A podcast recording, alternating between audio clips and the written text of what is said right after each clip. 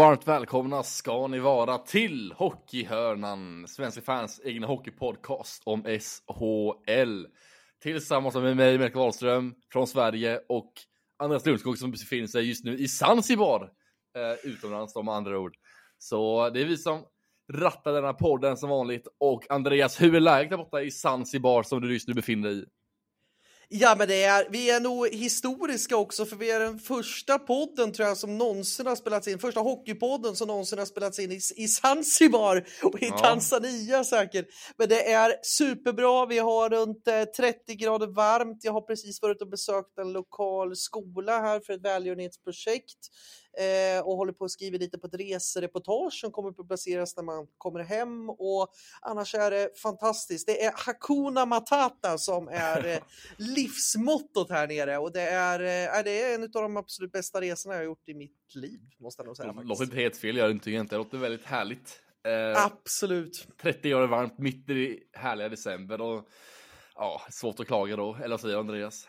Ja, det är det. Sen, sen har ju SHL blivit lite tufft och man har ju, man har ju försökt med liksom såna här lite små genvägar liksom med VPN och lite sånt, men jag har inte riktigt fått det att fungera. Det har varit lite halvtufft på den fronten så man har fått dragit sina analyser av ett rad och läst på internet och titta mm. på olika situationer på Twitter och sådär. Så att det kanske inte blir den mest initierade podden Nej. man har gjort, mm. men det kan bli en av de absolut eh, roligaste och kul att få ändå vara med här från eh, semestern. Ja, men det är ändå härligt. Det är precis som du säger, jag har haft mycket att göra den veckan. Även jag också. Jag har haft lite andra projekt igång här också och sånt som jag håller på att jobba på lite och sånt. Så det har varit mycket den här veckan, både för dig och mig då. Och inte gjort att vi kunde se så mycket matcher helt enkelt. Så därför kommer det kanske lite kortare avsnitt. Får vi se lite. Det brukar alltid vara så dåligt att säga att vi kortar så vi alltid längre om det säger att vi kortar det. Men vi får se hur det utspelar sig. Det kanske inte blir lika långa analyser om varje lag den här veckan som det brukar vara. Och då vet ni helt enkelt varför. Och om ljudet är sämre så vet ni även därför. Eh, vad, det beror på. på att jag, ja, eh, Anders är i Zanzibar och jag är här i Kalmar. Exakt, alltså den kombinationen den är otrolig. Kalmar ja. och Zanzibar. Hade jag någon, någon, gång sagt att man skulle spela in en hockeypodd med den kombinationen, då hade jag nog inte trott på det. Och jag kan säga internetet har varit lite av ett Leif GW Persson hastighet stundtals, så att det kan hända att, att det kanske också blir så att jag, att min, eh, som det blev förra sändningen vi hade, att, att eh, jag kopplas ner tillfälligt. Ja. Men jag kommer tillbaka som den starke man man mm. är. Så att, eh, det ska bli kul ändå att prata lite hockey, få ta lite paus från eh, värmen och solen och allting och faktiskt få snacka lite hockey för det är bland det roligaste som finns. Exakt, men det som vi alla undrar nu, hur ser hockeykulturen ut där i Zanzibar? Är det några hockeyarenor eller några hockeylag där? Har någon inhemsk liga kanske? Nej du, det finns inget ZHL där utan det är väldigt, väldigt liksom begränsat. Jag satt och försökte faktiskt läsa på om, de, om det finns någon typ av hockeyförbund eller någonting. Eh, det finns vissa ishallar i eh, Dar es Salaam som är fast i fastlandet och sen så är landhockey faktiskt en ganska stort. Men annars ja. så är det ju fotboll som är det stora och liksom det är en VM-feber här. Vi sitter ute och kollar. Matcherna går ju 18.00 och 22.00 lokal tid och eh, ja, alla vi eh, lokala sitter ju och, man sitter liksom och tittar med alla lokala och alla är helt frälsta här med eh, fotbollen. Så att nej, eh, det är superkul och, och eh, det, sen, sen saknar man ju lite den svenska hockeyn, det måste man ju säga. ja, det kan jag tänka mig verkligen att man gör det. Vi fick ju När... lite lyssnarfråga om, om just äh, det här som jag tyckte vi ska dra ja. lite. Vi fick den stycken. Direkt, jag Kör, kör på det direkt. Jag tyck, tycker vi drar den direkt. En riktig drömfråga fick vi från äh, Erik Nyman. Och det var, den lyder så här. Utse valfri svensk tränare som skulle roffa åt sig jobbet som huvudtränare för, åt Zanzibar HC. ja, ja, den var inte helt lätt den frågan att svara på, men eh, alltså det finns ju några roliga alternativ att slänga upp. Alltså tänk liksom Bulan i så här eh, riktiga blommiga badshorts. Bara stå i ishallen det var coach ett lag. Det har varit så kul att se faktiskt. Eh, det hade fan varit episkt. Nej. Frågan som är mest sol... Eh, eller attraktivt i solen just det är... Ja, det är svårt faktiskt. Du säger Andreas för någon potentiell tränare, så att du har någonting i pipen där när det gäller den frågan. Ja, men jag har en spaning och det är om Robert Olsson Ja, skulle faktiskt ta över det där. Jag tror fan att han hade mått Ja. ganska bra här nere. Sen känns han lite mer så här charterturist av något slag. Mm. Åka på så här eh, med Bamseklubben och så här. Men ändå, jag tror faktiskt att han skulle passa ganska bra här nere in i liksom eh, solen och bad och allting sånt. Så att, eh, nej, ja, det låter inte helt rolig. dumt, det inte. Så det, Exakt. det är kanske ett namn som man kan tänka på till Zanzibar då, HC. Men vi Jag får tror- helt enkelt vänta tror inte det här hockeylaget kommer saken. startas. Och tycker vi kickar igång lite avsnittet direkt nu. En ganska lång inledning har varit nu, så nu börjar vi direkt tycker jag och gå igenom matcherna. Eller ja, lite en match tag, precis som vanligt då. Och denna veckan blir det lite mer att jag det blir lite mer att jag pratar om matcherna och eh, beskriver vilka som är målskyttar i matcherna. Precis som vanligt då, men även att eh, jag förklarar för Andreas lite mer den här veckan och tack för att Andreas har inte varit lika initierad som jag den här veckan kanske då. Tack på att han har varit i Zanzibar och glassat med sina paraplydrinkar och alla hans härliga guideturer och vad han nu har varit på denna veckan. Men i alla Exakt. fall så tycker vi börjar med veckan eh, med att gå igenom Örebro då. Eh, Örebro har denna veckan eh, en vinst, två förluster eh, och man torskade i tisdags mot Linköping bortaplan. Då Tyrett och Patrik Russell hade show där i Linköping. Sedan då så begav oss mot eh, torsdagens match då man torskade hem mot Växjö med 1-5. Eh, Växjö som förut hade en väldigt stark vecka och så väldigt tufft motstånd för Örebro där, men en 1-5 torsk blev resultatet av just den matchen då. Filip Holm, en av Örebros bästa spelare denna veckan och denna säsongen än så länge, har gjorde mål i den matchen. Sen kollar vi på lördagens match då Örebro tog emot Malmö Redhawks hemplan. Malmö lite krislag just nu, Örebro likaså, men Örebro vann den krismatchen då med 5-3 då. Jag vet, Christian Näkeve, Linus Öberg, Oliver Eklind gånger två och såklart Filip Holm fick göra mål för andra matchen i rad i den matchen. Eh, så det var helt enkelt Örebros match den här veckan då och eh, det ska bli intressant att se lite hur Örebro går tillväga framöver för man har haft ganska upp och ner-aktig eh, säsong, inledning- säsonginledning. Man har haft mycket Eh, högre höga toppar men också väldigt djupa dalar. Man ledde ju serien ett tag om vi alla minns det. Men nu har man eh, dippat ner helt enkelt i tabellen lite och ligger just nu på en sjätteplats är man faktiskt eh, i Örebro, men det är otroligt jämnt där i mitten är det och vissa har spelat fler, färre matcher eller sånt. Men Örebro som sagt, eh, ändå en helt okej vecka. Inte kanske inte den bästa eller mest optimala veckan, men ändå en helt okej vecka. Man släppte alltså in eh, 12 mål den här veckan under Örebro och det är ju inte likt dem att göra så mycket mål egentligen, men det gjorde man helt enkelt denna veckan och det var väl också det som blev fallet det blev ju två att man släppte in så mycket mål som gjorde då. Däremot Växjö och Linköping framförallt. Men Örebro, som sagt, det finns mycket att fundera kring Örebro där de har lite problem tycker jag i sitt spel framförallt och jag tycker att man har såklart en bra backsida. Filip Holm har tagit för sig tycker jag och verkligen liksom Ja men det är ju deras första back som är fantastiskt bra och ja, äter minuter och gör både poäng och assist och mål och allt vad det nu är. Så ja, Örebro måste spetsa till laget till och man har man gjort också under denna vecka. Man tog in Richard Mar- Marenis ifrån Modo på en ganska gynnsam låneaffär, framförallt för Modos del. Så det var väldigt oväntad eh, och lite, ja, en värvning som man inte riktigt var beredd på om man säger så. Eh, att denna veckan då, så deras Marenis alltså till Örebro åkte till SHL då, efter att ha haft en floppvärvning och gjort en ganska dålig inledning av säsongen i Modo i Hockeysvenskan. Så han nu komma in till Örebro, hämta ny kraft där och spela tillsammans med Rodrigo- Abols och tillsammans med Linus Öberg alltså, är den kedjan som eh, Elias Marenis har gått in i, i Örebro. Men det var helt enkelt Örebros vecka det och vi går vidare till nästa lag tycker jag. Eh, och nästa lag denna veckan är Skellefteå AIK. Skellefteå då med tre vinster denna veckan. Eh, och om ni undrar för Andreas inte säger någonting så att hans internet dog precis ur Andreas. Så ser Andreas Nej, jag är här. igen, men Jag är här. lite själv här då. Men Jag är- Skellefteå då, tre vinster på tre matcher här veckan. Otroligt starkt för ett av SHLs absoluta mest hetaste och bästa lag hittills just nu. Skellefteå AIK som sagt med tre vinster den här veckan då. Det blev två straffvinster eh, tidigt i veckan och tisdags och torsdags. Man, var, tisdags så var man mot Växjö Lakers då på bortaplan med 1-2 efter straffar väldigt starkt efter att back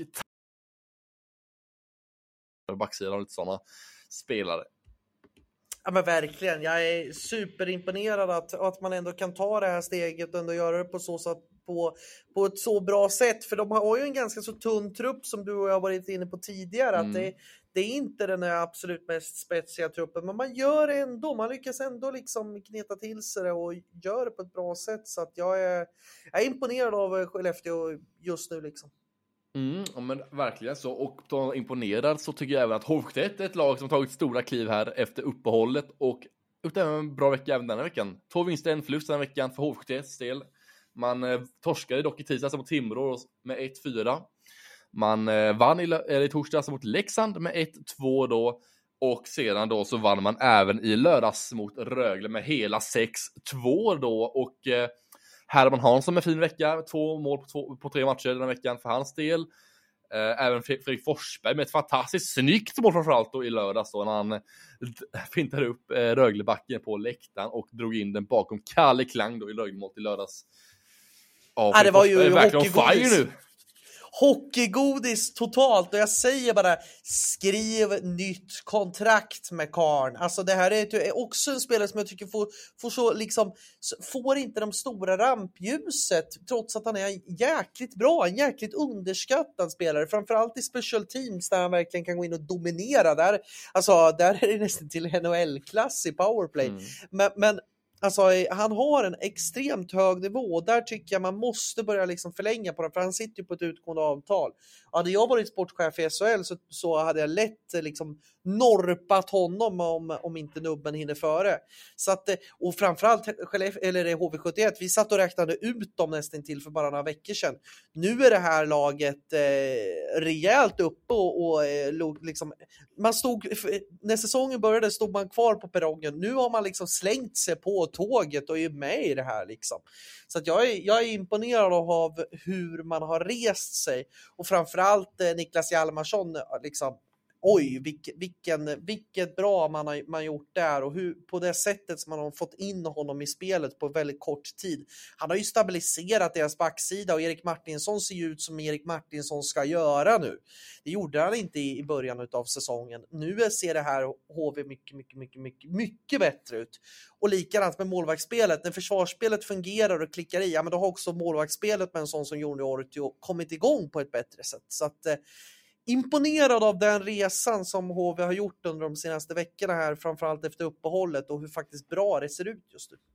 Ja men jag håller helt med dig såklart och eh, det är ju en väldigt röd tråd där mellan att försöka väldigt bra, men fungerar också målvaktsspelet på ett bra sätt också och så har man sett nu också att när Hjalmarsson har kommit in och stabiliserat upp försvarsspelet och framförallt och ändrat kanske lite struktur också som kanske gjort i spelet och sånt så tycker jag också att målspelet har varit mycket bättre som du säger med Johnny Ortio. Eh, han har känt mycket tryggare, mycket lugnare och kan få mycket mer hjälp framförallt av backarna och inte lika mycket skott i skottsektorn eh, för motståndarna heller de senaste matcherna för HVTs del. Eh, och eh, även en annan nyckelfaktor tycker jag är att Radan Lensch har kommit in på ett bra sätt också. Han har verkligen kommit in med en bra energi och liksom en kraftfullhet som lett till att man kunnat vinna mycket puck i offensiv zon, kunna liksom haft de här lite tyngre anfallen tycker jag man inte haft, som man inte haft tidigare. Men när Lenc intag har gjort det väldigt bra och kunnat lyft både sånt som Petersson, lyft Mili också och kunna ändå kommit in på ett väldigt bra sätt, även han tycker jag. Det håller jag med om, verkligen. Alltså det är, det är, jag var jättetveksam att HV skulle ta in honom, alltså ett ganska skadat gods ifrån från Frölunda som inte har kommit igång mm. och så, och så där under säsongen. Och jag såg inte riktigt den offensiva uppsidan från början. Jag tycker han har verkligen varit en pådrivare i det här HV. Jag tycker att det är, det, är, det är bra karaktär, han gör jobbet varenda dag och liksom nu ska man inte bli för klyschig, men jag, jag tycker att det har varit ett, ett fynd och sett till hur marknaden, hur, hur, alltså hur snustorr marknaden har varit här under den här hösten så måste jag ändå ge nubben jäkligt mycket cred på det här sättet som, som man ändå har tagit hand om det här laget efter den här enormt tuffa starten som man hade där man låg så mycket efter. Ja men helt klart, du har rätt med det också. Men äh, ja, och vi återgår till Fredrik Forsberg-resonemanget där. Hur tycker du hur man ska göra med hans, ska man liksom, ska Nubben skriva ett längre kontrakt med han just nu tycker du, eller ska man kanske skriva ett tvåårskontrakt eller är det ett fyraårskontrakt man skriver med han, eller ja, hur tänker du liksom hur man skulle kunna skriva det i kontrakt med han, Andreas? Hur, hur, hur gammal är han? Är han? Jag tror han är 26. Ja. Om jag inte minns helt fel. Ja, men jag tycker ett, ett treårskontrakt hade varit, eh, jag tycker det hade varit jättebra för hans del liksom. Att, att sakta ja, 26 upp. är han ja. Eller fyller ja. 26 i december nu. 12 december. Ja, då har man ju liksom sin, då kommer han ju snart in i liksom sin prime och jag tycker att han har tagit steg för steg för steg för steg. Alltså en, en underskattad spelare som, som, alltså han fick ju knappt inte någon speltid den säsongen när HV åkte ur där, men var ju liksom lagets bästa spelare ändå. Så att det, mm. alltså, jag tycker i alla fall offensivt, så att jag, jag tycker att det finns, det finns en potential och det finns jag tror inte heller att det, att det skulle vara en jätte, jätte, jätte, jätte dyr förlängning. Alltså det är klart att han skulle kanske behöva tjäna mer än vad han tjänar idag. Ja, ja. Men, jag, jag, men jag tycker att det är HV tycker jag ska gör, försöka lägga vantarna på honom och verkligen förvalta det här och, och ge honom ett, ett treårskontrakt. Det tycker jag definitivt. Ja, jag är helt, helt med det också. Han spelar också väldigt mycket. Han spelar nästan 50 ut per match också, nästan i snitt. Eh, och han har gjort som sagt, 20 poäng på 23 matcher och eh, han är ju en offensiv spetsspelare på cellnivå, de visar nu. Innan var det tveksamhet kring hans 5 och 5-spel, innan vi trodde att han var bänkad mycket där det åkte mot ur. Men samtidigt tycker jag också att han har tagit stora kliv på ganska kort tid här i detta också och eh, ja, vad kan hända om man fortsätter ännu mer hotet? Kanske ta ännu större kliv nästa säsong och ännu större kliv nästa säsong efter det, om man då stannar. Så han är inne på en spännande resa tycker jag, där Fredrik Forsberg kan etablera sig i toppen av poängligan och eh, ligger i topp 6 i poängligan också nu.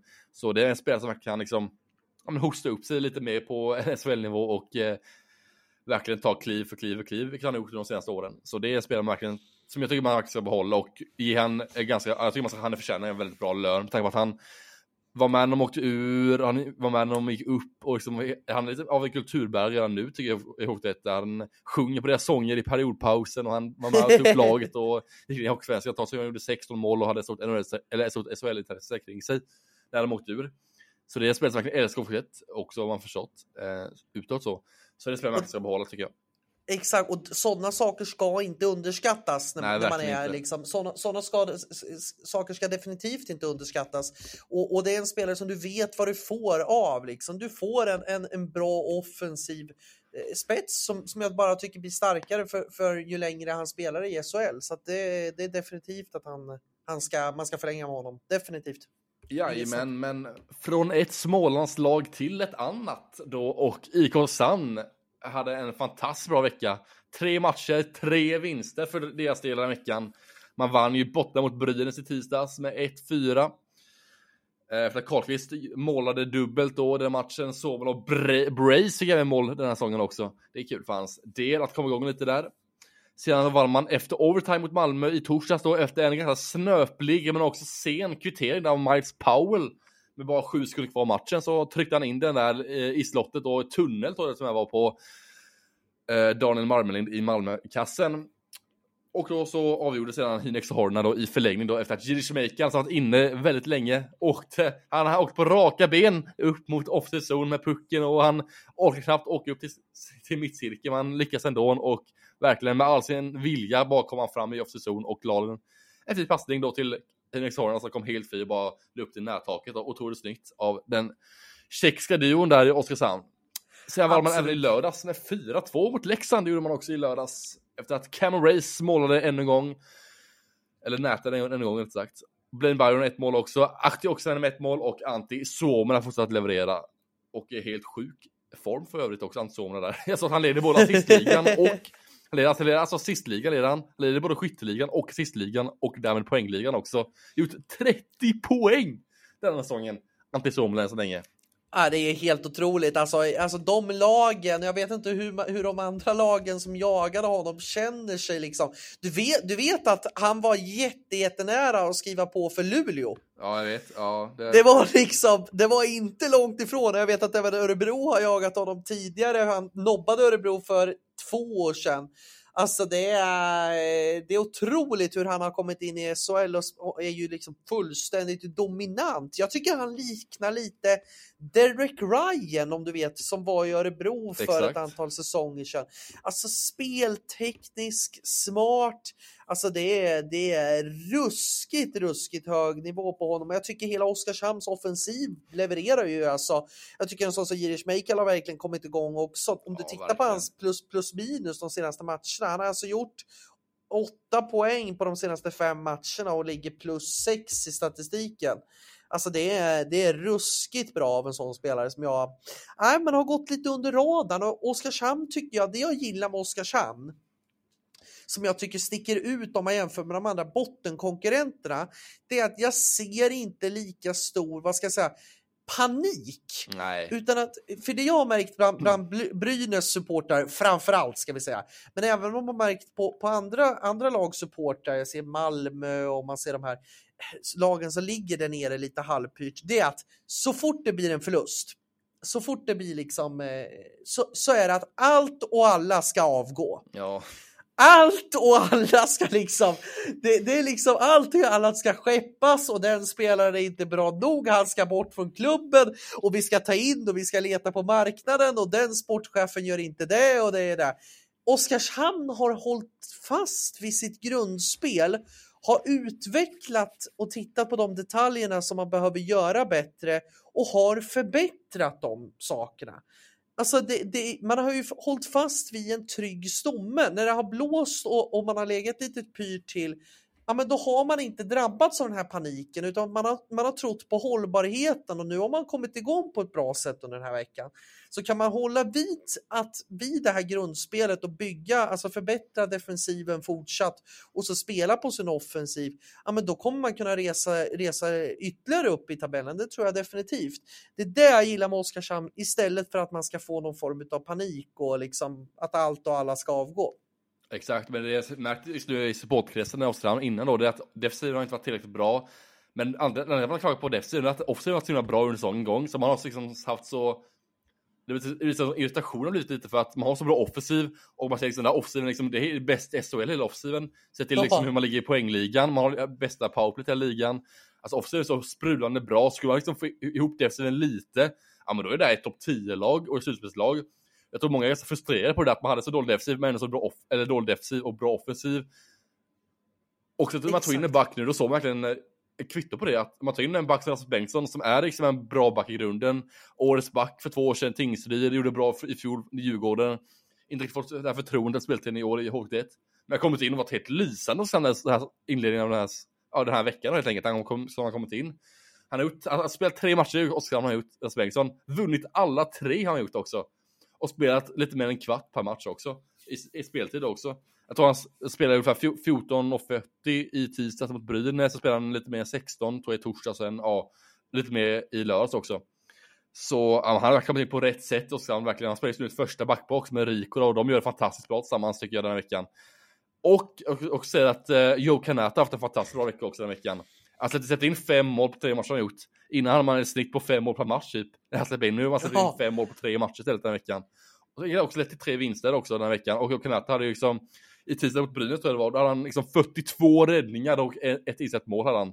Och en räddningsprocent på nästan 98 procent hade han i tisdags. Så det säger också en hel del om att eh, lite tidigare på Hovstedt, att har man ett bra defensiv, då blir målfältet väldigt bra också. Det är lite samma sak med Hovstedt har sagt innan, som vi tidigare. De har också upp defensiven och man har också byggt lite struktur i defensiven utom också. Man spelar inte riktigt lika farligt längre. Man har inte samma stil i sitt spel heller. Man har liksom, du spelar mycket mer enklare, man lyfter puckarna lite mer, man spelar inte alltid ur situationen, man, inte, man lyfter puckarna lite längre och lite mer och sedan så framförallt så spelar man på bladet till varandra också. Passar jag sitter på bladet istället för att sitta i knähöjd eller fem meter framför dem. Och det är någonting man måste hålla så konsekvent nu över säsongen, för det är så väldigt bra under veckan här som varit, och men det är att man håller i detta då konsekvent nu under en längre period, som sagt. Men om man ska verkligen börja få ihop det under en längre tid, då kommer man bli livsfarligt tror jag, alltså med den offsiven också. Och nu är också med Giri Jamaica, som kommer ihåg så inte tidigare, där 20 poäng på 23 matcher, ligger 7 i poängligan han. Giri Jamaica också, lika många poäng som Fredrik Forsberg och Oskar Möll har han. Giri Jamaica ja, också. Snacka om att gå under radarn på en sån spelare. Det kan man lugnt säga. Alltså 9 mål, 11 assist och två matchavgörande mål också. Har liksom en istid nästan 20 minuter per match har han också nästan. Sitter 19 och 18 per match. Och eh, kom så. ju från den finska ligan inför, inför den här säsongen, har ju spelat VM och OS också från, eller från, ja. från, eh, från Tjeckien då, då förhandstjeckien. Eh, alltså, det är ju en spelare man inte alls hade tänkt och kanske inte hade stora förväntningar på. Men alltså Oskarshamn ja. lyckas med de här. Det är Thomas Fröberg fynd igen. Jag vet inte var han hittar de här spelarna, men det, det är skickligt, det måste man säga. Och jag mm, tycker ju att, ja, jag tycker att Oskarshamn offensiv, den är, det är för bra tycker jag för att det ska förbi kvalspel. Jag tycker att det är, det är en för bra offensiv man har. Men det gäller ju att man får till defensiven och kan bygga på det här nu, att, att liksom fortsätta med de här linjerna och den här tydligheten i spelet som jag tycker man har hittat den här veckan. Så att, eh, det ska bli intressant att se Oskarshamn här framöver. Ja, verkligen. Och eh, Schmeichel är väl inne i bra ålder, nummer 26 gammal är han bara Schmeichel också, han är väldigt bra ålder också och så, så han, ja. Ett tvåårskontrakt har han också med Oskarshamn, är kvar nästa år också, om inte NHL för hans del, vilket jag tror kan hända. Exakt. Men i alla fall, och han är väl viktig, han är blivit bra offside, han är bra också. Han är liksom spelar både boxplay, powerplay och det är spel liksom i, ja, fem mot fem och det är spel sex mot fem mycket och alltså han spelar, spelar hela tiden i varje spelmoment också också. Så han är väldigt, väldigt viktig för Oskarshamns del som sagt. Men nu lämnar vi Oskarshamn tycker jag och går vidare till nästa lag denna veckan som är ett lag som inte har tre vinster utan har tre förluster istället den veckan på tre matcher och det är Leksand IF. Ja, vad är det som händer? Ja, vad kan man säga där? Man har ett powerplay som är, ja, det är skrämmande dåligt på hemplan. Alltså 13 matcher utan ett enda, enda mål. Man har spelat över, man har spelat nästan en och en halv timme i powerplay på hemplan och inte gjort ett enda mål. Ja, det är otroligt. Alltså de, de, de siffrorna, alltså jag har aldrig skådat några sådana siffror tror jag. Alltså det, det, det, det är liksom, det, spökar eller liksom är det, vad, vad, är det som händer? Är det någon förbannelse som har lagt sig över, över, eh, över arenan? Alltså no, någonting är det som inte klickar och det jag är lite orolig för Leksands del det är att man har så otroligt många spelare. Det är lite som Djurgården om man tänker till Hockeyallsvenskan. Man har väldigt meriterade, bra spelare, framförallt i offensiven. Det är bara det att man har inga tydliga linjer. Det är liksom att att ja, men nu har inte det funkat för den spelaren, då byter vi runt här och så byter vi runt där och man, man spelar liksom efter, man har ingen plan med vad, man, man spelar med tycker jag. Nu kanske jag låter jättehård här, men jag tycker inte alls att man får ut den kapaciteten som man ska kunna få ut av det här laget. Nej, man har inget tålamod alls tycker jag inte powerplay, så man har liksom jag tror alla som är powerplay i Leksand nu tror jag nästan. Man har bytt formationer varje match känns som också. Snart står väl Mats Almars på blålinjen också i powerplay känns som att han kan gå in i. Går in med målvaktsklubban från ja, blå och typ släktar iväg något. det är väl bara han och eh, Kaskasol kvar, sen har alla spelat powerplay som hela Leksand. Nästan så. Ja men själv syr lite men det är som sagt man har ju kanske för mycket, tycker att det är för mycket godbitar i offensiven, att man kanske har för många tuppar i en hönsgård eller hur ska man förklara det? Att det finns för många ja. som vill för mycket kanske där och att det inte slår väl ut där. Ja, jag skulle vilja jämföra lite med, vad ska man säga, det, det, det är lite så som att eh, eh alla eh, kör någon form av, eh, alla spelar i dansband men alla vill vara sångare och det ja. blir inte speciellt bra. Ingen liksom. Nej, exakt, ingen vill ta det där. Ingen vill vara basisten liksom. Nej. Nej. men jag tycker man har rollspelare ändå, liksom. jag tänker mm. på sånt som Oskar Lang och sådana, såna, liksom Jon Knuts och de här. Eh, det jag känner det är att jag tycker det är från ledarstaben och det jag börjar lite fundera faktiskt lite. Det har den här ledarstaben har spelarna förtroende för Björn, Björn Hellqvist som har en ganska så pådrivande, ganska så tuff eh, ledarstil utifrån vad jag har fått intrycket av. Alltså kräver mm. mycket och sådär. Har man någon som orkar, orkar tjata en på en i ryggen hela, hela tiden har spelarna ja. förtroende för Björn Hellkvist eller att är, är det mm. Björn Hellkvist är för dåligt taktiskt? Eh, kan det vara någonting där? Det kan såklart vara en blandning kanske av det som du nämnde, de två faktorerna där. Men jag tror samtidigt också att man har kanske, man har något förtroende tror jag för han. Visserligen att förra säsongens ganska dåliga säsong leder till att man kanske har tappat förtroende för honom. Från ledars, eller från spelsidan, men från styrelsen också kan jag tänka mig. Jag tror att Hellkvist sitter ganska, i en ganska rävsits här nu framöver att eh, han börjar han leverera nu, eller att man kanske gör dåligt slutspel alltså den säsongen, då kan han få gå efter säsongen tror jag. Eh, om ja. tidigare. För liksom, man, man har inte råd att, att förlora, eller att få mer floppsäsonger i Leksand än vad man haft då. Han var hade i fjol, de torskade mot Oskarshamn då i åttondelen redan med det laget och allt. Så man har ju haft för många floppsäsonger och för många säsonger utanför topp 6 då som inte har varit godkänt då med tanke på vilken budget man har, vilka spelare man har och liksom vilken målsättning man ändå har i Leksand. Så jag kan tänka mig att det kan bli ett problematiskt läge där framöver här. Jag tycker framförallt att, eh, jag ska förklara, jag tycker det finns vissa värvningar som är lite konstiga också. Jag tycker Lukas Elvenes bland som kom in i säsongens gång här, har inte varit så bra när han kommit in till Leksand. Tycker också att det var väldigt konstigt att plocka in när man tänker på vilken eh, sida man hade då på forsidan med även Emil Heidemann skulle komma tillbaka och allt också. Så det kanske är, det kanske är någon tupp för mycket där kan jag tänka mig. Jag tycker Mm. även att John Quinn också ut för laget mycket och inte gjort jättebra heller. Så det kan, kan vara så att det är någon tupp för mycket där i Leksands offensiva, offensiv, ja, offensiva spel helt enkelt. Det känns som att kanske, jag vet inte, det kanske varit lite fel att gå där man tog in Lucas Elvenes tycker jag. Det kan inte vara exakt det spelare man sökte efter och kanske man inte var i behov av sån spelare heller. Utan man kanske ska ha lite mer is i magen, lite mer tålamod. Som tycker jag är det stora adelsmärket för Leksand framöver. Att man måste ha lite mer tålamod, lite mer is i magen då, både spelmässigt men liksom på spelarmässigt och ledarmässigt. Då. Att man måste ha lite mer tålamod, tålamod och lite mer is i magen då. Och låta liksom infinna sig i den här strukturen som ändå finns nu i Leksand. Exakt, nej men jag håller, jag håller med fullt ut. Jag tycker det är en jätte, jättebra analys av det. För att jag, och det jag, precis som vi var inne på det här med slutspel och det taktiska. Alltså i båda de här slutspelen som Leksand har varit de senaste två åren. I det första då åkte man ut med 4-0 i raka matcher mot Örebro i en, i en kvartsfinalserie efter att ha varit helt otroliga i, i, i eh, grundserien. Men där var det respass direkt. Mot Oskarshamn gjorde man väldigt, väldigt, väldigt dåligt i åttondelsfinalen. Ett Oskarshamn som var fantastiskt under det här slutspelet ska vi också säga. Men, men det är ju...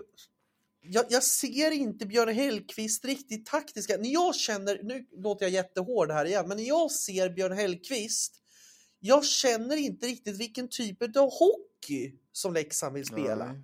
Jag känner inte riktigt det här att Leksand har någon form av tydlig identitet på så sätt.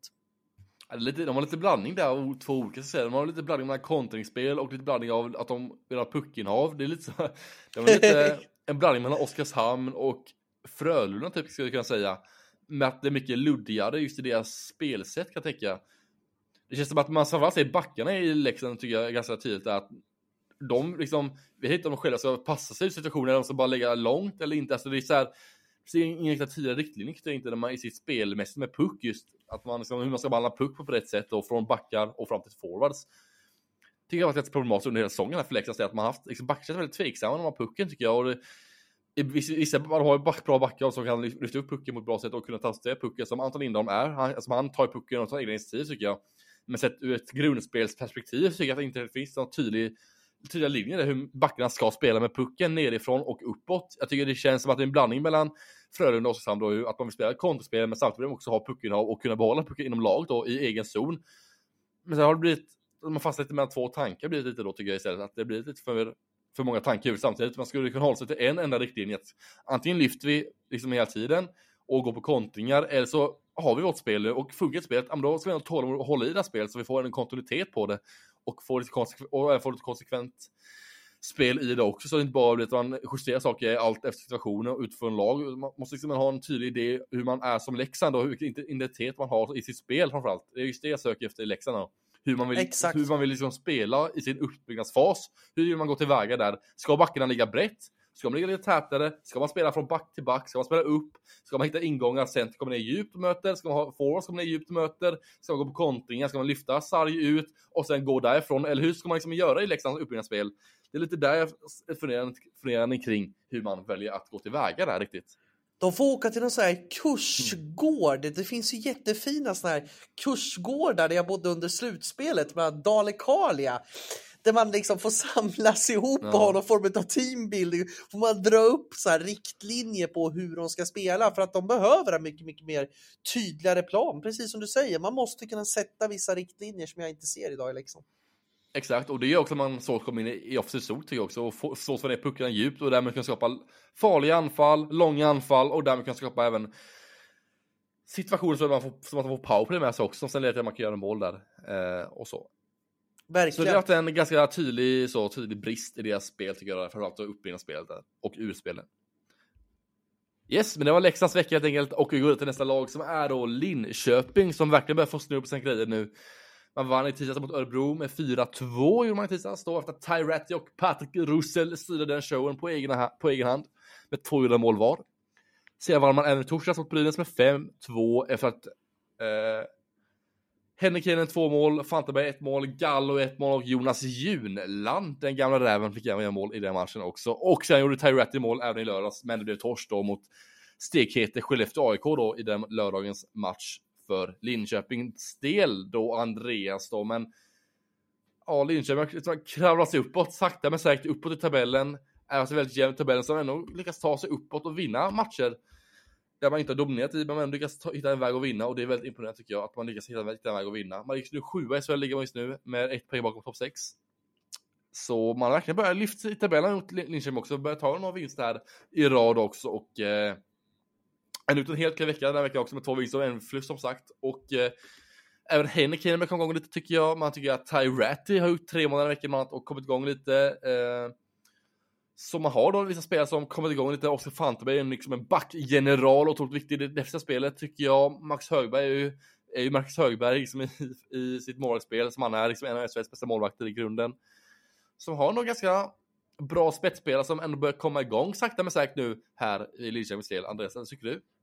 Jo, men alltså jag, jag, jag, jag, alltså jag är nästan till chockad också över den här utvecklingen från, från, från Linköping. Alltså man hade ju nästan till målat ut dem som, som liksom att det, det här kommer bli en riktig slagpåse nu och nu, nu kommer raset, nu kommer liksom mörka november och december och nu kommer det här laget rasa ihop. Och, men alltså man har tagit sig på något sätt samman och, och hittar också lite bättre tydliga linjer. Jag vet inte om det här med att det är det här nya spelsystemet som Claes Östman har pratat mycket mer under, under eh, framförallt under försäsongen, att man skulle bli implementerat. Det har fått en bättre effekt nu när det har gått ett antal matcher och halva serien faktiskt har gått. Eh, så att jag är, och det, det här visar ju hur snabbt det kan gå också i den här jämna SHL-tabellen, att det är inte så långt upp. Får du snurr på grejerna, men då kan du, då kan du klättra upp i tabellen. Så att jag är, jag är jätteimponerad av, av hur man har fått ihop det och man har fått tillbaka viktiga pjäser på backsidan och sådär.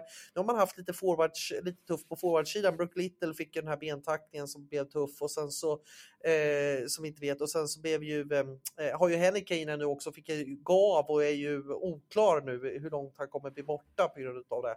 Det var någon skottäckning vad jag tror jag läste på korren mm. idag. Så att, eh, där är det ju tufft, liksom. man kan ju hamna i en tuff situation liksom, i, i så sätt. Men jag ska dra ett litet rykte faktiskt, jag hörde mm, härifrån Zanzibar. Jag. jag har dragit mina äh, kontakter och tittat lite på äh, spelarmarknaden och jag såg även på sociala medier att det har kommit ut ett rykte om att Linköping är intresserad av Garrett Rowe. Mm. Som är en, eh, ja, man är en duktig forward som har faktiskt varit i SHL tidigare under, och i Linköping tidigare men har nu, eh, huserar nu i Schweiz. Då. Ja, det är exakt det du säger. En eh, väldigt bra center är det ju ganska liten. Påminner lite om Brian Gibbons kanske då i sitt, eh, inte spelstil kanske, men i sin storlek och att vilken roll han har. Han har ju levererat många säsonger här i schweiziska ligan då, framförallt då senast här från Zürich Lions som, som han är just nu i.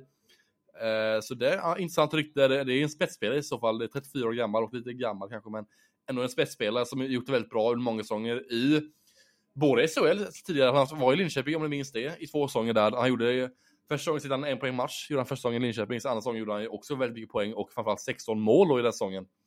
Så det är en spelare som har gjort det bra på SHL-nivå tidigare, eh, för några år sedan, och spelat framförallt gjort väldigt, väldigt bra på schweizisk nivå då för Zug och Zürich Lions då, som är två storklubbar och succéartade klubbar då. Framförallt Zug då eh, i svenska ligan där.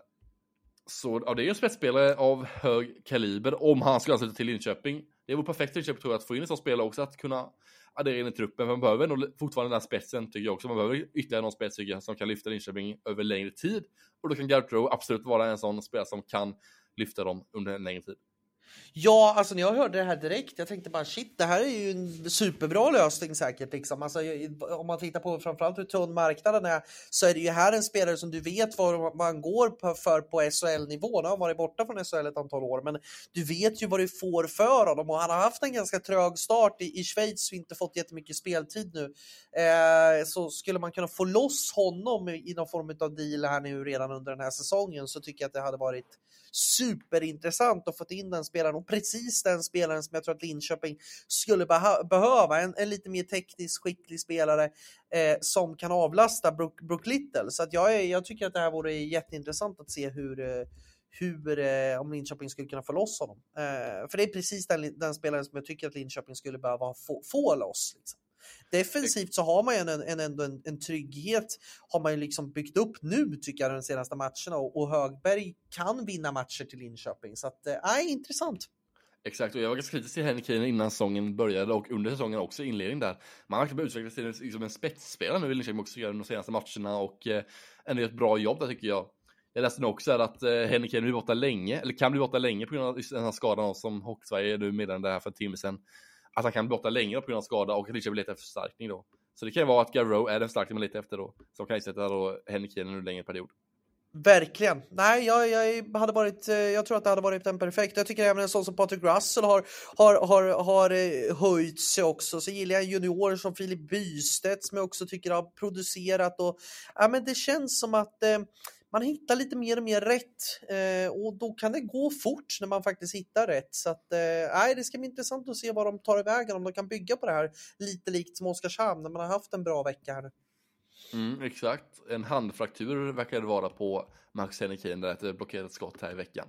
Men i alla fall, nu avrundar vi Linköpings del här och går vidare till nästa lag, vilket är Rögle BK.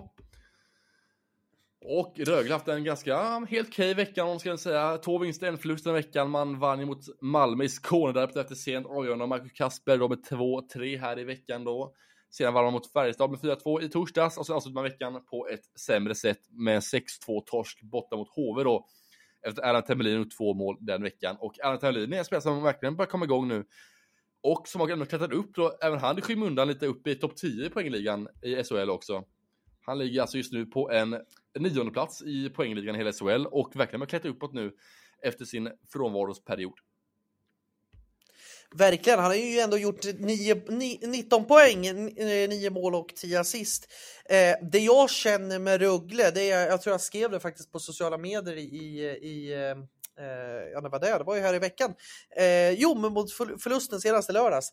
Eh, det är att Alltså jag, jag, vet inte vad som händer med det här laget för att man visar upp så enormt många olika sidor. Alltså man, man, ibland kan man spela på en väldigt hög nivå, det ser stabilt ut, det ser ut som att man tar steg framåt och så rakt så rasar man ihop alltså. Sen kanske inte matchen mot HV här nu i, i lördag speglar liksom resultatet om man ser det liksom till, till mål eh, i målkolumnen. Men, men jag, jag, jag, tycker att det här, är, det här ser inte bra ut för, för Rögle och framförallt inte på backsidan och, och målvaktssidan. Vad är det för mål man släpper in alltså? Mm. Det är ja, liksom det, det alltså, målet som, som Fredrik... Ja, nej men det målet som Fredrik, Fredrik Forsberg gör där, det, är ju visserligen jäkligt elegant, men det är ju så passivt. Vad gör Rögle-försvaret? Men jag tror det är, liksom, det är liksom grej eh, också. Mm. Jag tror det är en självförtroende grej också. Så att, det... eh, få lite mer, få lite mer självförtroende in i backsidan i laget och kanske ta några, några vinster i rad här och lite och sånt och även täppa till lite bakåt och släppa in färre mål. Då kommer man också till slut få bättre självförtroende och kanske då kunna bygga på det framöver då. och de har ganska ungt lag, sagt in tidigare, där med ganska ung, både backsidan då med Adam Engström, William Wallinder, men också ganska ung forwardsida också där. Så det är just det som är lite, vet du det? Äh, det är som är typiskt man har ett ungt lag, att man kanske har väldigt svajiga prestationer. Vissa veckor är man liksom ett superlag och gör väldigt bra ifrån sig. Vissa veckor, ja men då levererar man inte lika mycket. Och det är just det som, därför behöver liksom ha en rejäl stomme och lite äldre rutinerade spelare som kan liksom hålla uppe den här högre nivån hela tiden och hjälpa de unga spelarna att liksom leverera på en hög nivå och även leverera i den dagliga verksamheten också just det man behöver för att få in lite rutin eh, och så. Och man är på jakt efter nya spelare också i Rögle som gick bort sig lite här i somras då, när man inte riktigt tog in några förstärkningar som man behövde. Kanske då framförallt på sidan också. Exakt, Nej, men det jag, det, jag, känner också det är att jag saknar den här riktiga backgeneralen. Jag tycker inte att kanske Tony Sund har varit speciellt bra i den rollen. Liksom. Det, jag, jag saknar en riktigt sån här backgeneral. Nu, nu vet jag att man har, man har ju fått in Lukas Klok då. då. Eh, men, men, jag ser inte riktigt den här... Eh, jag tycker de skulle ha haft eh, få in eh, Michael Jordan, en tjeckisk back som faktiskt blev, blev eh, eh, utbjuden på marknaden här nu under förra veckan efter att ha lämnat sitt klubb i KHL. Mm. Och det är ju en spelare som har spelat i KHL de senaste säsongerna han skrev ett avtal som redan var påskrivet eh, och, och liksom har, ju inte, har ju inte varit avstängd från det tjeckiska eh, landslagsspelet heller eftersom han skrev det här avtalet innan eh, Rysslands invasion mm, av Ukraina. Han hade tror jag väl. Så, han, eh, så var det. Fortsatte, ja, jag trodde han fortsatte där i Ryssland, att han hade ett tvåårskontrakt som blev fortlöpande efter kriget också. Precis, och han har ju varit en, en spelare som, som bröt sitt avtal då i, i förra veckan för han kände att det inte att det fungerade med hans familjesituation. Nu är han klar för Schweiz. Men det är ju Mm. exakt den backtypen som Ruggle hade behövt för att stabilisera det här läckande försvaret. Mm, exakt, Lukas Flug kanske inte är den här typiska backgeneralen som man tänker. Det är lite en offensiv spelskicklig back som kan bidra till ett bra passningsspel och liksom styr alltså, tempot i passspelet på bra sätt och ändå kan liksom korrigera lite utifrån sina egna offensiva förmågor. Men det jag är mest besviken på det är Erland Lesund i Rögle som jag tycker att backgeneral, liksom backgeneralernas backgeneral i SHL tidigare. Men i år tycker jag man inte ser så mycket av honom. Han är ganska osynlig, skadad en del har han varit också, men han tycker jag måste höja sig några nivåer framförallt. Han är jag väldigt besviken på än så länge. Ja, men jag håller med. Men du, har du sett Tony Sunds eh, plus minus siffror? Det har jag inte gjort. De är inte speciellt smickrande om vi tittar på just plus minus. De ligger alltså på 14 minus. Oj, oj, oj. Det är, Det är det är inte bra. siffror på ett negativt sätt. Det är inte bra om du ska vara en backgeneral i en, i liksom bra, bra eh, toppklubb. Och jag är, jag är orolig för... för jag, jag kan säga direkt, eh, nu, nu kanske det låter jättekritiskt, men Ruggle kommer inte vara ett topp 6-lag. Nej, Definitivt inte. Det, kan jag hålla med dig om också. Det har jag sagt lite tidigare också, att de inte, kunna, att de inte kommer vara det heller. Jag har sagt det tidigare också, men jag håller helt med dig i den också, att de kommer inte vara topp 6-lag. Det tror jag inte. Nej. Även fast det är väldigt jämnt tycker jag det är för dåliga prestationer för ojämna prestationer och kanske lite för få och generaler och lite för få rutin i laget. Verkligen. Det här kommer vara ett backlash-år. Det här kommer vara en baksmälla-år och det, kommer, det får man ta som, som supporter också. Ja. Man kan inte vara, kanske vara i toppen varje år och det här tror jag är det året som man, man, får, man får ligga lite under radarn och, och eh, försöka ta lärdom av det här, vad, vad som har gått fel och försöka växa av det istället. Men samtidigt så, jag hörde också man är intresserad av Mats Strömvall här i Rögle. Eh, att eh, det har ett potentiellt- potentiellt namn att ta in under säsongens gång också. För han är ganska låg lön där i Chicago Wolves i AHL och det man är sugen på att ta in under säsongens gång. Och kan man dela in detta laget med kanske två spetsspelare till och kanske nog komma till topp 10 placering, ta sig till slutspel. Ja men då så är det inte helt omöjligt att de kanske tar sig semifinal till och med, eller kvartsfinal om de liksom får ihop spelet lite mer, får in lite mer rutin i laget, får in lite mer spets i laget, kanske får in lite mer, lite mer, lite mer bredd i laget, lite mer konkurrens. Då kanske man kan bli ett topp 10-lag och så kanske då ta sig en kvartsfinal, semifinal ändå, och då är det inte jättefarligt ändå, tycker jag inte så, om man säger på ett perspektiv så. Nej, då, då, då, då absolut, absolut. Eh, ja, det, då kan man ju, kan man ju liksom det. Men, men det jag känner när marknaden är så här pass tunn. Jag vet inte riktigt, kommer man kunna hitta sådana spelare liksom på, på det? Jag vet inte Nej, om man, det. liksom, jag tror att Malte Strömberg trivs ganska bra utomlands. Liksom. Även om han- han skulle ha svenska Mm. intressenter så tror jag att de, de spelarna som spelar i AHL, framförallt svenskar, brukar trivas ganska bra under säsongens gång. Så att, Ja, det ska bli intressant att se vad som händer, men, men jag känner att Rögle, det, det luktar inte toppen om man säger så. Liksom. Jag, jag är mer orolig för, det jag är orolig för det är att, man, att det blir det här, att man får den här sjukan, att man inte inser verkligheten utan att man, utan att man likt HV och Brynäs när det blev det här kvalet, att man, man säger till sig själva att man har för bra trupper. Och så står man där och så blir man för, för liksom passiva i allting och så Mm. rasar man ner helt det är det jag är lite halvrädd för faktiskt. Jag har lite farhågor kring, kring Rögle på det. Att har man den här ödmjukheten, har man faktiskt insett att det här är inte bra. Liksom. Nej, jag tror inte man, jag tror inte man är ödmjuka nog, tror jag inte, men jag tror att det kommer räcka för att undvika ett kval med på vilka lag som ändå finns i ligan som är... Alltså det finns ju lag som, mycket, som är sämre än eh, Rögle tycker jag framförallt då, ja, Brynäs, HV, ja, Absolut, Malmö, absolut. Malmö framförallt också.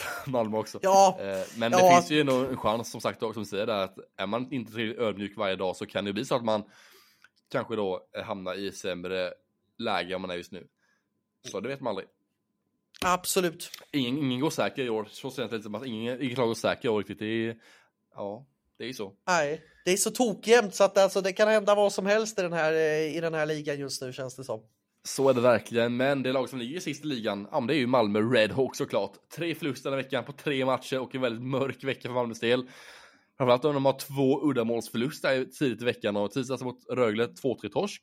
Sen torskar man mot Oskarshamn, lite snöpligt där med ett sista minuten mål, eller sista sekunden mål helt enkelt för Oskarshamn då som kvitterade och sen ledde till en övertidsvinst då för Oskarshamn. Och en Malmö-torsk i den matchen med 3-2. Sedan då så torskar man även i lördags då mot Örebro borta med 5-3 efter fem insläppta mål för Malmös del och det är ju mörkt i Malmö-läget där och det är ju kolsvart känns det som att det är just nu. Man börjar nog sakta Ja. sagt halka efter lite i tabellen. Och det känns väldigt, väldigt tufft. se till vilka, lag man har på pappret och vilka spelare som finns på liksom, individnivå, hur de är skicklighetsmässigt och sånt. Det känns väldigt, väldigt trubbigt. Det känns väldigt, väldigt mörkt. Det känns som att Thomas Kolla ska kämpa för att hålla uppe den här stora, liksom, starka stenen. Han håller liksom uppe stenen, men det är som att stenen börjar sjunka sakta men säkert ner på hans axlar och snart kommer han ligga under stenen, känns som att just nu så. så att stenen börjar bli för tung att bära. Ja. Ja, men det känns som att man, man, man, står, man står liksom i någon form av... Jag tänker på Malmö, jag tänker på en kolgruva. Jag tänker liksom att man åker längst ner i det här kolschaktet och kommer inte upp. Det är liksom som att man, man hittar inte lysknappen för att liksom åka hissen upp. Det går inte. Och det, jag känner också det, det är ju dels har man ju från, från början ett extremt trubbigt lag, det tycker jag. Men, men det är ju inte där det stora problemet ligger. Det är ju att de här spelarna som ska vara de spetsspelarna som ändå finns i, lagen. Jag tänker på en Lance Boma, jag tänker på, på liksom en, en Fredrik Hennemark och framförallt Carl Söderberg. Var är prestationerna? Var är liksom kravställningen? Var är nivån? Det är ju liksom, alltså det jag såg mot Örebro, jag faktiskt, det är en av få matcher jag faktiskt fått få tag på här nere. Mm. Och det är att det är ju alltså det är bland det sämsta jag sett. Det är bland det oh. sämsta jag har sett. Mm. Eh, och liksom att det jag tycker också att det är att det rinner ju över i frustration. Kolla bara på, på en sån dum grej när, när Thomas, eh, Thomas eh, Chemitz, eh, backen där, drar liksom en sucker punch på, eh, på Linus Öberg. Alltså ett slag i ansiktet i en helt onödig situation. Alltså det, det bara kokar av frustration liksom. Ja, men så tänker jag också, när jag ser Malmö liksom spela både mot Oskarshamn och mot andra lag, tänker jag också att det här är SHLs sämsta lag utan tvekan, tänker jag när jag ser Oskarshamn, eller när jag ser Malmö ja. spela. Som de gjorde, de mötte Oskarshamn i torsdag, gjorde de så i den matchen och då tänkte jag direkt att alltså Malmö gjorde två mål i matchen. Lite slumpartade mål, det är ett skott från Johan Olofsson utifrån och det är liksom Ja, så, alltså när man säger Malmö spelar så är det inte något glimrande och inget, vakten, inget vackert. Och det är liksom, det är ju i mitt tycke SHLs sämsta lag, både på pappret men även liksom spelmässigt och på plan också. Men med det sagt så ska vi inte räkna ut Malmö, ska vi inte göra för det skiljer bara tre poäng upp till, ja, till säker mark. Men samtidigt så är det ju ett lag som inte kuggar i riktigt och framförallt spelar som det finns ingen, tydlig, ingen tydlig spets i Malmö tycker jag inte. Det finns ingen liksom riktig, riktig spets där. De har ju Händemark och Söderberg men de levererar inte som de ska och det saknas någon lite extra krydda där i Malmö för att kunna lyfta sig. Ja, alltså någonting behöver man ju göra liksom och det är frågan liksom hur, hur länge Thomas Kollar orkar dra det här loket liksom och puttra på det här, det här ångloket som liksom inte, nej, jag, jag för det, det man gjorde så bra i början, det var ju om man byggde någon form av buffert där liksom att, att hade man inte börjat så bra, då hade man ju liksom varit rejält efter då nu. Hade liksom. man, då man ju ändå... haft i allsvenskan nästan nu. Ja, till här. Nu är vi hårda och dömer ja. ut dem fullständigt där, men då hade man ju varit, då hade det ju varit, då hade det ju varit alltså kris, kris, kris, kris. Nu, nu är det ju kris, men det är ju inte Alltså, man måste ju försöka hitta tillbaka till den här identiteten, för det jag tycker är lite intressant, det är att jag lyssnade på ett, på ett resonemang här i veckan, det är att Peter Andersson, när han var tränare för Malmö, han hade ju inte någon vidare spetsig trupp under de åren. Men ändå Nej. tog de sig till slutspel. Det var liksom inte så mycket snack om kval. Man hade liksom det här jobbiga. Det var fruktansvärt nästan till att åka ner till Malmö för att det var, de spelade med sån tyngd och tuffhet och grinighet. Nu är det ju så att det kokar ju över. Det blir ju liksom en, en härdsmälta liksom för att man fokuserar på fel saker. Jag ser att liksom Marcus Sylvegård åker runt inför uppvärmningar på Örebro och ska liksom provocera spelare och liksom hålla på och, och göra det. Men, men när man gör sådana saker, då gäller det ju också att man kan prestera ute på planen. Nu presterar man inte ut på planen, då kan man ju lägga ner och försöka fokusera på att spela på planen istället. Exakt, jag tycker man ska byta lagkapten som förra veckan också, det som mm. du sa, att byta lagkapten tycker jag man kan göra också, tycker jag nu till Hennemark eller någonting sånt. För jag tycker att Söderberg har för mycket på sina axlar. Jag tycker inte han ska leda laget här och nu. Jag tycker han ska fokusera på sitt egna spel först och ta sin, sig själv först i första hand just nu. Fokusera på sig själv och vad han ska kunna göra bättre framöver här. Ja, absolut. Men så jag ser inte riktigt så här, jag ser inte riktigt vilket lag som ska kunna, alltså ska kunna förlora mot Malmö i ett kval över sju matcher. Det är det jag känner lite oro för Malmös del. Känner att HV ändå har en typ av spets. De har ändå Forsberg som levererar mycket mål. De har Hjalmarsson nu, de har Ortu i kassen. De har liksom en backsida som börjar bli bättre, de har Mattisson som är en bra back i grunden, de har en Daniel Lenz på topp och så. Men Malmö ser en tydlighet till att de ska kunna vinna en bästa sju-serie mot ett annat SHL-lag. Det är just där som skon klämmer lite när det gäller Malmö också. Ja, det enda laget som jag skulle kunna se, det är väl, det är väl Brynäs kanske, men där tycker jag ändå att det finns ja, någonting men det finns en annan karaktär i Brynäs som ja. inte finns i Malmö när det gäller så. Exakt, och ledarskap, en tydlighet i ledarskapet. Jag tror liksom, för det, det är ju, alltså spela ett sånt kval är ju också nervpeshigt. Alltså det är ju, det är ju tufft mentalt. Där tycker jag Brynäs har liksom en tydlig ledarstab och en tydlig grej vad man står för. Jag ser ingenting i Malmö vad man, vad man står för. Det är liksom, man står för en riktigt, riktigt dassig hockey just nu. Brunkehockey, man vill tacklas mycket, man vill täcka mycket skott, man vill liksom kämpa, men liksom kämpa-hockey, det, det håller liksom i några få matcher håller det. Sen mm. efter, på längre period och längre sikt, då måste man ändå ha ett tydligt spel. Kolla på Karlskrona, liksom, hade sitt defensiva struktur där, hur de skulle spela sitt spel. De hade liksom, de bara, det var bara kontringar, det var bara långa puckar. hoppas att det inte skulle bli icing typ, och bara försvara skott. och det ledde till att man var en av de sämre lagen i SHLs historia och åkte ur med buller och bång. Och lite så, lite så, måste man ju hitta spelsätt som man själv kunna spela också. Och Malmö har inte riktigt fått det än tycker jag inte. Men samtidigt ska man inte räkna ut Malmö heller, ska man inte räkna ut för det skiljer säkert bara tre poäng till säker mark. Och det är svårt att räkna ut lag i den här tajta tabellen och så, Scott, den här säsongen. Som jag sa tidigare med deras resonemang tidigare, att de kommer topp top 10 innan och eh, kommer slutspel och sånt. Men jag tror nog att Oskar Alsefelt var den spelare som, om han var nog viktigare om man tror för Malmös del där. Men var en mm. fantastiskt bra målvakt framförallt, men framförallt var han också en ledare framförallt som ledde laget på utvisen. Han hade kanske en ganska hög kravställan på spelarna, framförallt på backarna då, att de skulle göra jobbet. Och han var nog kanske viktigare i sättet att strikt, striktlinjerna och det, ja, strukturen på ett annat bra sätt. Det var han bra på, Oskar Asfeldt förmodligen då. Och Verkligen, det, jag håller med. saknar nog på något sätt, att det är just hans allsvenskt ledarskap kanske man saknar på ett sätt och han kanske ändå var den ultimata makten för, för Malmö då, att han stod där när det blåste som värst och ändå räddade dem flera gånger från ett sämre placering än vad det kom. Exakt, och det jag tycker alltså hade man inte haft Marmen Lind, för Marmen Lind är ju i alla fall en av de få mm. spelarna i, i Malmö som ändå har levererat, även om han också haft en liten dipp nu senast. Han var ju jätte, jättebra under starten. Men det, alltså hade man inte haft honom, då vet jag inte vad man hade gjort, för Adam Werner har ju kommit in och, och inte riktigt övertyget under de matcherna han har stått. Han har två vinster, två förluster och 87,5 räddningsprocent och 3,38 insläppt mål på de matcherna. Så att eh, det, det, det, nej, det är mycket som inte fungerar och, och, jag kan inte se, precis som du säger, jag kan inte se att nästan till ett, ett annat lag, om man inte skulle få den här tuffa brunkarhockeyn, skulle kanske kunna gå i ett liksom, kval, att det är så mycket passångest och man går ut och liksom bara stänger ner. Man spelar liksom en icke-hockey på något sätt. Men annars så ser jag inte hur Malmö ska kunna lyfta det här. Det är ju att, att man har sparkapital i vissa spelare, liksom Carl Söderberg kan han liksom blixtra till. Och, men då gäller det ju också att de gör det. Alltså det 9 ser, poäng alltså, på 24 ja. matcher. Exakt, det känns det som att Söderberg kommer att glimma till så mycket mer. Det känns som att han är ganska, han är på ålderns höst. Det känns att han har haft sina shiny days och som att inte han kommer komma igång. Som han gjorde i fjol kanske, det känns som att det känns väldigt så. Verkligen. Det, helt enkelt med hans del. Men nu lämnar vi Malmö tycker jag och går till nästa lag som fick också tre förluster den veckan och det är Luleå. Där det alltid är tumult kring det klubben känns som. Det är alltid någonting negativt som klubben hela tiden. och denna veckan med tre förluster var extra negativt såklart. Man eh, gjorde noll mål i tisdags mot Frölunda hemma eh, efter att Max Friberg hade sänkt Luleå i den matchen då med 1-0. Sedan så torskar man eh, Norrlandsderbyt i torsdags mot Skellefteå bortaplan där med 3-2 och sen torskar man med 7-2 i lördags borta mot Växjö Lakers. Man släppte alltså in fem mål i andra perioden. Man går under med 7-0 efter två perioder spelade. Oj, oj, oj. De två perioderna ah, vill nog sagt... aldrig mer minnas. Igen tror jag inte.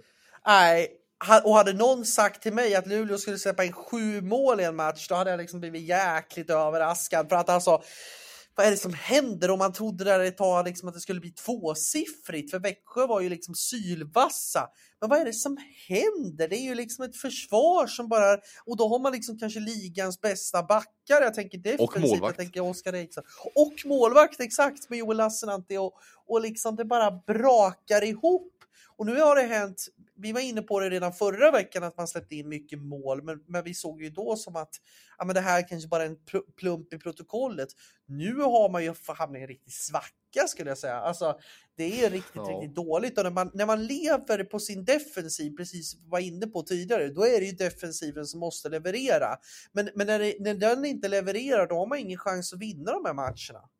Nej, verkligen inte. Alltså, det är släpper in sju mål, då ger man inte för att alltså, se chansen att vinna matchen, det gör man ju såklart inte. Eh, och eh, ja, alltså Luleå, det, det har varit det har varit en offside som inte har levererat ordentligt och det framförallt nu, man ser liksom 11 mål den här veckan, det är inte hållbart liksom, man släpper in 11 mål på tre matcher och har den offside som man har, det går ju liksom inte, det är att defensiven fungerar som du säger där och det har inte gjort den här veckan. Och det börjar bli lite så här krisstämpel kring Luleå också tycker jag. Man börjar läsa lite mer om Luleå, lite mer negativt framförallt nu på senaste tiden. Om just deras förlustsviter och just deras spel och sånt. Och det är, man tar in två nyförvärv under, under veckans gång också med Tommy Sallinen och med eh, Mario Kempe som äntligen är i Luleå då, efter mycket om och men. Och han har ju följt Luleå sen i somras på deras Instagram-konto och sånt bland annat också. Och det har mycket snack kring honom, men nu är det äntligen klart då den här veckan att Mario Kempe ansluter till Luleå. Så har man fått in sin spets som man inte efter så länge, men vi får se hur det blir här under längre tid om Kemp kan komma in och rädda upp den situationen eller inte. Ja, nu hade han, han har ju haft lite sjukdomsproblem så han har väl bara spelat, visst är det en match här nu i Ja, i torsdags. Här nu. Exakt, så att det, det, det är ju det, är ju det och det, det, ska bli intressant att se. Liksom, det är klart det är en uppstartsträcka, killen har inte spelat hockey på över ett år. Va? Så det, det, är ju, det, det, är ju lite halvtufft så att du värvar in en, en, skadad spelare som har dragit med allvarlig knäskada. Eh, men alltså annars så är det ju tajt. Alltså, det är inte många som producerar i offensiven och det, man står ju och faller lite med det. Liksom. Det blir ju så. Men det ska bli intressant att se om Tommy Sallinen och, och, och ehm, eh, om Kempe kan få, få upp det. Tommy Sallinen tycker jag inte har haft någon bra start. Det tycker jag inte. Han är minus tre nu om man tittar till plus minus statistiken och har väl inte övertygat jättemycket mycket om man säger så. Inte helt oväntat heller kan jag tycka. Det känns som att vänta på någon. Och kollar man liksom poängligan så är ju Isak Brännström deras bästa poängplockare med sina 16 poäng på 22 matcher. Han ligger alltså på 24 plats i hela SHL. Och ska jag säga att då har liksom Oskarshamn liksom fem spelare typ som ligger före. Så fyra ja. spelare Oskarshamn ligger före i poängligan och det säger en hel del. Om just, ja, offensiva skillnaden där. Och även vikten av att ha en bra offensiv också. Ja, nej men man satt, jag har ju satt sig skägget i brevlådan liksom. Man, man, skulle ju ha tagit in flera. Man måste ju ha liksom en ersättare till Pontus Andreasson och Linus Omark och det har man inte. Och jag tror också att man, man måste liksom, och det, det är att det, det, som verkligen brukar vara är med Luleå, det är att det brinner ju när det, när det blir sånt här liksom. Supportarna, oh. det är ju en av de absolut mest engagerade supporterskaror Eh, och det brinner ju liksom där, när det går dåligt på det här sättet. Och jag tror man måste ha lite tålamod. Jag tror man måste inse att det här är, kanske blir ett mellanår. Det här kanske inte är laget som, som ska göra det riktigt. Och, och att, jag ska inte säga att man accepterar det, men man kanske måste ha någon form av förståelse att nu sitter vi i den här, den här sitsen. Vi har inte fått in de spetsspelarna som vi behöver. Vi kommer inte kunna vara med och fightas riktigt om ett SM-guld igen som vi gjorde i fjol.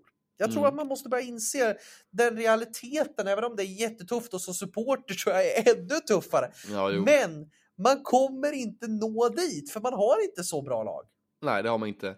Men om vi lämnar Luleås Luleås del av veckan och går från ett offensivt svagt lag till ett offensivt starkt lag så har vi Timrå nästa lag ut här då som är offensivt starkt lag och man har två vinster, en förlust den här veckan. Man vann med 4-1 på HV i tisdags.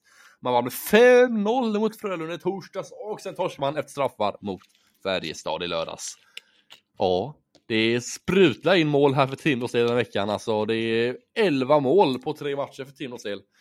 Imponerande tycker jag. Ja, och jag, min, min man crush på Ante Karlsson fortsätter nästintill hur han har fått ihop, ihop det här laget. Alltså, vi har kastat lovord på det här laget tidigare nu under, under den här podden, under den här säsongen. Men alltså vi, vi måste hylla det här laget. Alltså, så bra som man, man spelar och så man har tagit sig an den här säsongen och fått bitar. Jag skulle säga att Timrå, det här kan bli ett underdog. Det här kan bli en livsfarlig underdog. En riktig dark horse, exakt som, som skulle kunna vara med och utmana, framförallt i, ett, i, till en semifinal. Det tror jag definitivt att man har kapacitet att gå för. Sen tror jag Växjö är lite för starka för att, för att se, i alla fall i dagsläget. Även Skellefteå tycker jag också är lite för starka. Exakt, Skellefteå och jag tror att det finns ett andra lag som kanske kan ligga och pyra där, även Färjestad och kan komma Mm. upp med en bra kapacitet. Så att, men, men om man se, säger till semifinal, det tror jag definitivt att Timrå kan räkna med. Och det är ju så rolig hockey man spelar. Alltså det, är, det är det laget som jag tycker är, spelar kanske den roligaste hockeyn. Om man får Mm, till helheten på bästa sätt. Ja, jag håller, jag håller lite med där också. Jonas Liter med en fantastiskt bra vecka också den veckan tycker jag. Han har ju kommit in på ett väldigt bra sätt här i, i Timrås del när han kom in från finska ligan och på ett fantastiskt bra sätt. Eh, och verkligen stabiliserat upp den backsidan på ett bra sätt. Han är väldigt stabil och gedigen back. Alltså, han gör väldigt få misstag och han är ganska osynlig ibland, men på ett positivt sätt tycker jag. För han eh, syns inte för mycket och det är bra för hans del att han är defensiv back och ska göra, bara göra jobbet i skymundan och gör på ett fantastiskt bra sätt. Och värt, värt att hyllas också. Verkligen. Nej, men det är en spelare som de har fått in. Jag vet att många supportrar var jätte, jättekritiska. Liksom, vad, vad, ska vi med, ho- vad ska vi med honom till? Och varför skeppar vi Ja. iväg Joel Aledja? Men det har man ju fått en perfekt eh, liksom, balans i hela backuppsättningen. Alltså, om man, om man tittar på det här kollektivet, alltså, jag läser upp namnen. Noel Edefelt, Tim Eriksson, Elmer Eronen, Jonas Lyttinen, Jakob Stenqvist, Didrik Strömberg är ju skadad och sen Per Svensson. Alltså det är ju ingen backuppsättning man tänker bara shit wow, den här är liksom SHLs toppklass. Men det är de ju. liksom. Ja, Ja. Det är sjukt.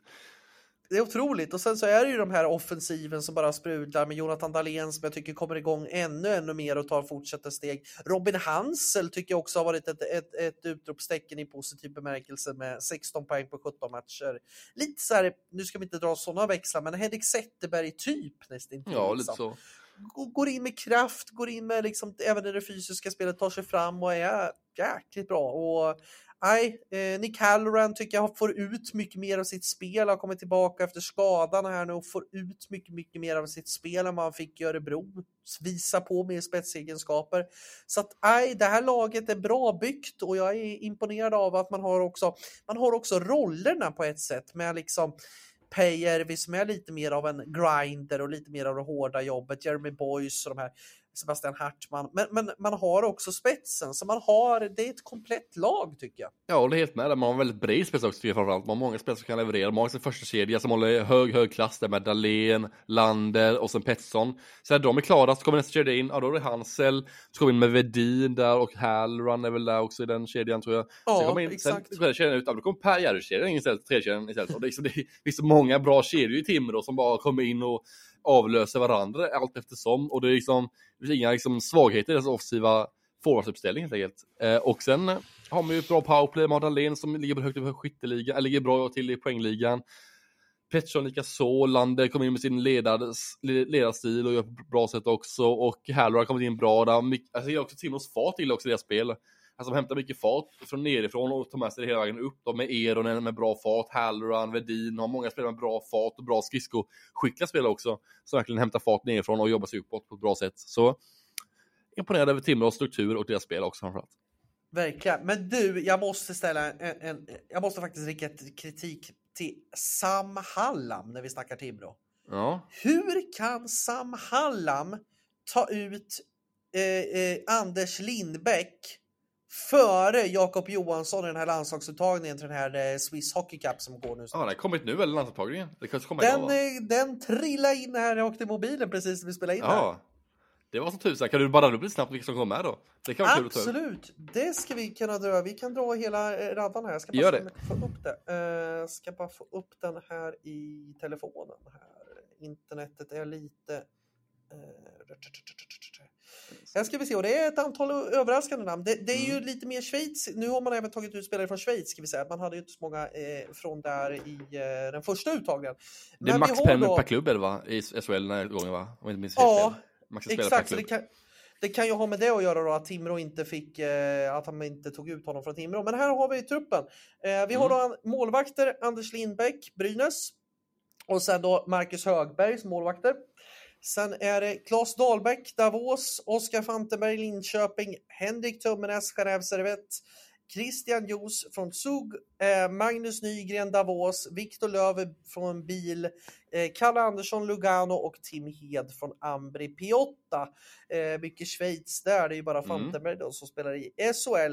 Eh, forwards ha- har vi Emil Pettersson Timrå, Marcus Sörensen från Freiburg Gotteron, eh, Lukas Wallmark Zürich, Oskar Lindberg Bern, Martin Lundberg Växjö, Emil Heinemann Leksand, Oskar Eklind eh, Brynäs, Viktor Ejdsell Färjestad, Viktor Rask från Freiburg Gotteron, Leon Bristedt Davos, Dennis Rasmussen Davos, eh, Jesper Olofsson B, eh, Bil, eh, BN, eh, Jakob Delaros Freiburg Gotteron och Robin Kovacs från Ja. Lausanne. Det, de har alltså två brudspelare med i truppen, alltså Oskar Eklind och eh, eh, Anders Lindbäck då. Stämmer bra, stämmer bra. Mycket märkligt att Anders- Lindbäck är med i truppen tycker jag. Det är mycket märkligt. Alla stjärnmålvakter, det finns ju hur många som helst att välja på. Det finns Linus Söderström, det finns Jakob Johansson och det finns ju den ena och den andra och det är han som drar längst åt alltså. Men men. Jag fattar ingenting. Jag fattar ingenting. Jag, alltså, du har Jakob Johansson, du har... Och va- varför tar man inte. Jag vet att han har haft det lite tuffare under säsongstadiet, Lasse men Lasse. Johansson. Ja, det är han också. Ja, han också. Finns också. det är liksom Jonas Enroth, Örebro. Ja, just det. Ja, herregud. ja, Det finns många att tänka på. Ja, det är sant. Den där uttagningen, den tycker jag är jättekonstig. Sen är det ju kanske andra grejer som spelar in, med att det är, det är ju Ja, ett just det. kortare uppehåll. Liksom. Det är ett kortare uppehåll, så jag vet ju inte hur många spelare som kanske har fått nej från sina klubbar. att Du får inte åka på den här landslagssamlingen. Jag, Jag tror- vet inte om det är ja. någonting sånt. Ta alla Oskarshamnssupportrar annars ut nu. Är inte med i den matchen, inte med i det uttaget. För Oskarshamn möter ju Örebro på lördag där under, landslags, under landslagsuppdraget, alltså under landslagsspelet. Så de spelare som inte Exakt. som spelar landslag, de får inte vara med på lördagens match mot Örebro utan de spelar landslaget då. Så vad tur för. Karlqvist och Oskarshamns del, eller för Oskarshamns del och det att Karlqvist inte är uttagen då framförallt. Så han kan vara med mot Örebro. Ja, nej, det där är ju en eh, märklig, eh, väldigt märklig uppsättning. Men det är väl för att man, man har byggt det på sch- schweiziska spelare. Liksom. Hela det här Ja. Swiss Hockey Cup spelar ju i, i Schweiz där liksom. Så att eh, nej, det, det är... eh, Och sen, men där- däremot intressant att Robin Kovacs som har varit petad av Johan Garpenlöv under varenda samling under hans tid. Eh, Mm. Nu är tillbaka i landslaget och får chansen genom eh, Sam Hallam. Ja, det är kul att se honom i landslaget igen, det var länge sedan. Så, så kul Mm. att se honom i landslaget som sagt. Men nu lämnar vi då och vi ska in på Sam Hallam tidigare och hans tidigare klubb var ju Växjö Lakers. Det som vi alla minns då och de har haft en fantastiskt bra inledningssäsongen och en bra vecka här också med två vinster och en förlust. De toppar ju SHL-tabellen för er som inte vet det också. De eh, torskade dock däremot i tisdags mot tabelltvåan Skellefteå efter straffar. Eh, att Kalle Kosta gjorde mål den matchen, sen vann man med 5-1 mot Örebro i torsdags eh, och sen vann man med 7-2 då i lördags mot defensivt starka Luleå. Så ja, en stabil vecka av Växjö helt enkelt eh, med två vinster och en förlust då, så det är klart godkänt såklart. Ja, men absolut. Alltså, det här laget tycker jag visar prov på ja, det, det, det, att de kommer bli svårmatchade i framåt ett slutspel. Jag ser att de spelar redan nu liksom en typ av slutspelshockey som jag tror kommer vara jätte, jättetufft för lagen att matcha. Alltså det här laget tycker jag är komplett från liksom målvaktssidan, backs. Man har ju liksom en av SHLs lyxigaste och, och härligaste backuppsättning kombinerat med att man har forwards som gör hela jobbet. Eh, så att, och, och Kalle Kossila, där snackar vi också. Vi snackade om, eh, om Antti Suomela förut. Här Ja. snackar vi också finsk toppspets alltså. Det kan man verkligen säga. Det är lite anti-sommar. Han är ganska lik anti-sommar till spel tycker jag också. Det är kul att se att han börjar komma igång där i Växjö och eh, ja, det kan bli en ruggigt bra spelare, i alla fall till slutspelet också. Sen har han fått komma in lite i grejerna ännu mer också. Så ja, Kalle Kossla är en riktigt topp topp värvning och topp topp spelare i SHL såklart. Verkligen. Nej, men alltså, han har ju också fått en flygande. Jag är imponerad av att hans start också, att komma tillbaka efter en tuffare skada. Eh, ta sig an SHL, ta sig an svensk hockey, en ny klubb. Eh, han har gjort det med bravur måste man verkligen säga. Så att, eh, enormt eh, häftigt, men framförallt backsidan. Alltså man har Joel Persson eh, är, leder interna skytte, eller poängligan med 19 poäng. Eh, man har, har det Herman Aktell som har gjort 15 poäng. Man har en, liksom en Lukas Bengtsson som har gjort 15 poäng. Och sen kombinerat det med, med en forwardkedja där Robert Rosén har fortsatt att leverera. Jag tycker att Kalle Kossla har, ju, har liksom gjort 10 poäng på sju, sju matcher. Det är ju helt otroligt. Eh, så att det är, nej, det är häftigt att se det här laget. Jag tycker att det är mycket, mycket fungerar. Samtidigt så finns det ju lite mer att ta i. Jag tycker liksom att den 16 kan fortfarande göra lite mer poäng. Eh, jag tycker att så, så Joel Kjellman skulle också kunna komma upp där, mm. även Blischfeld.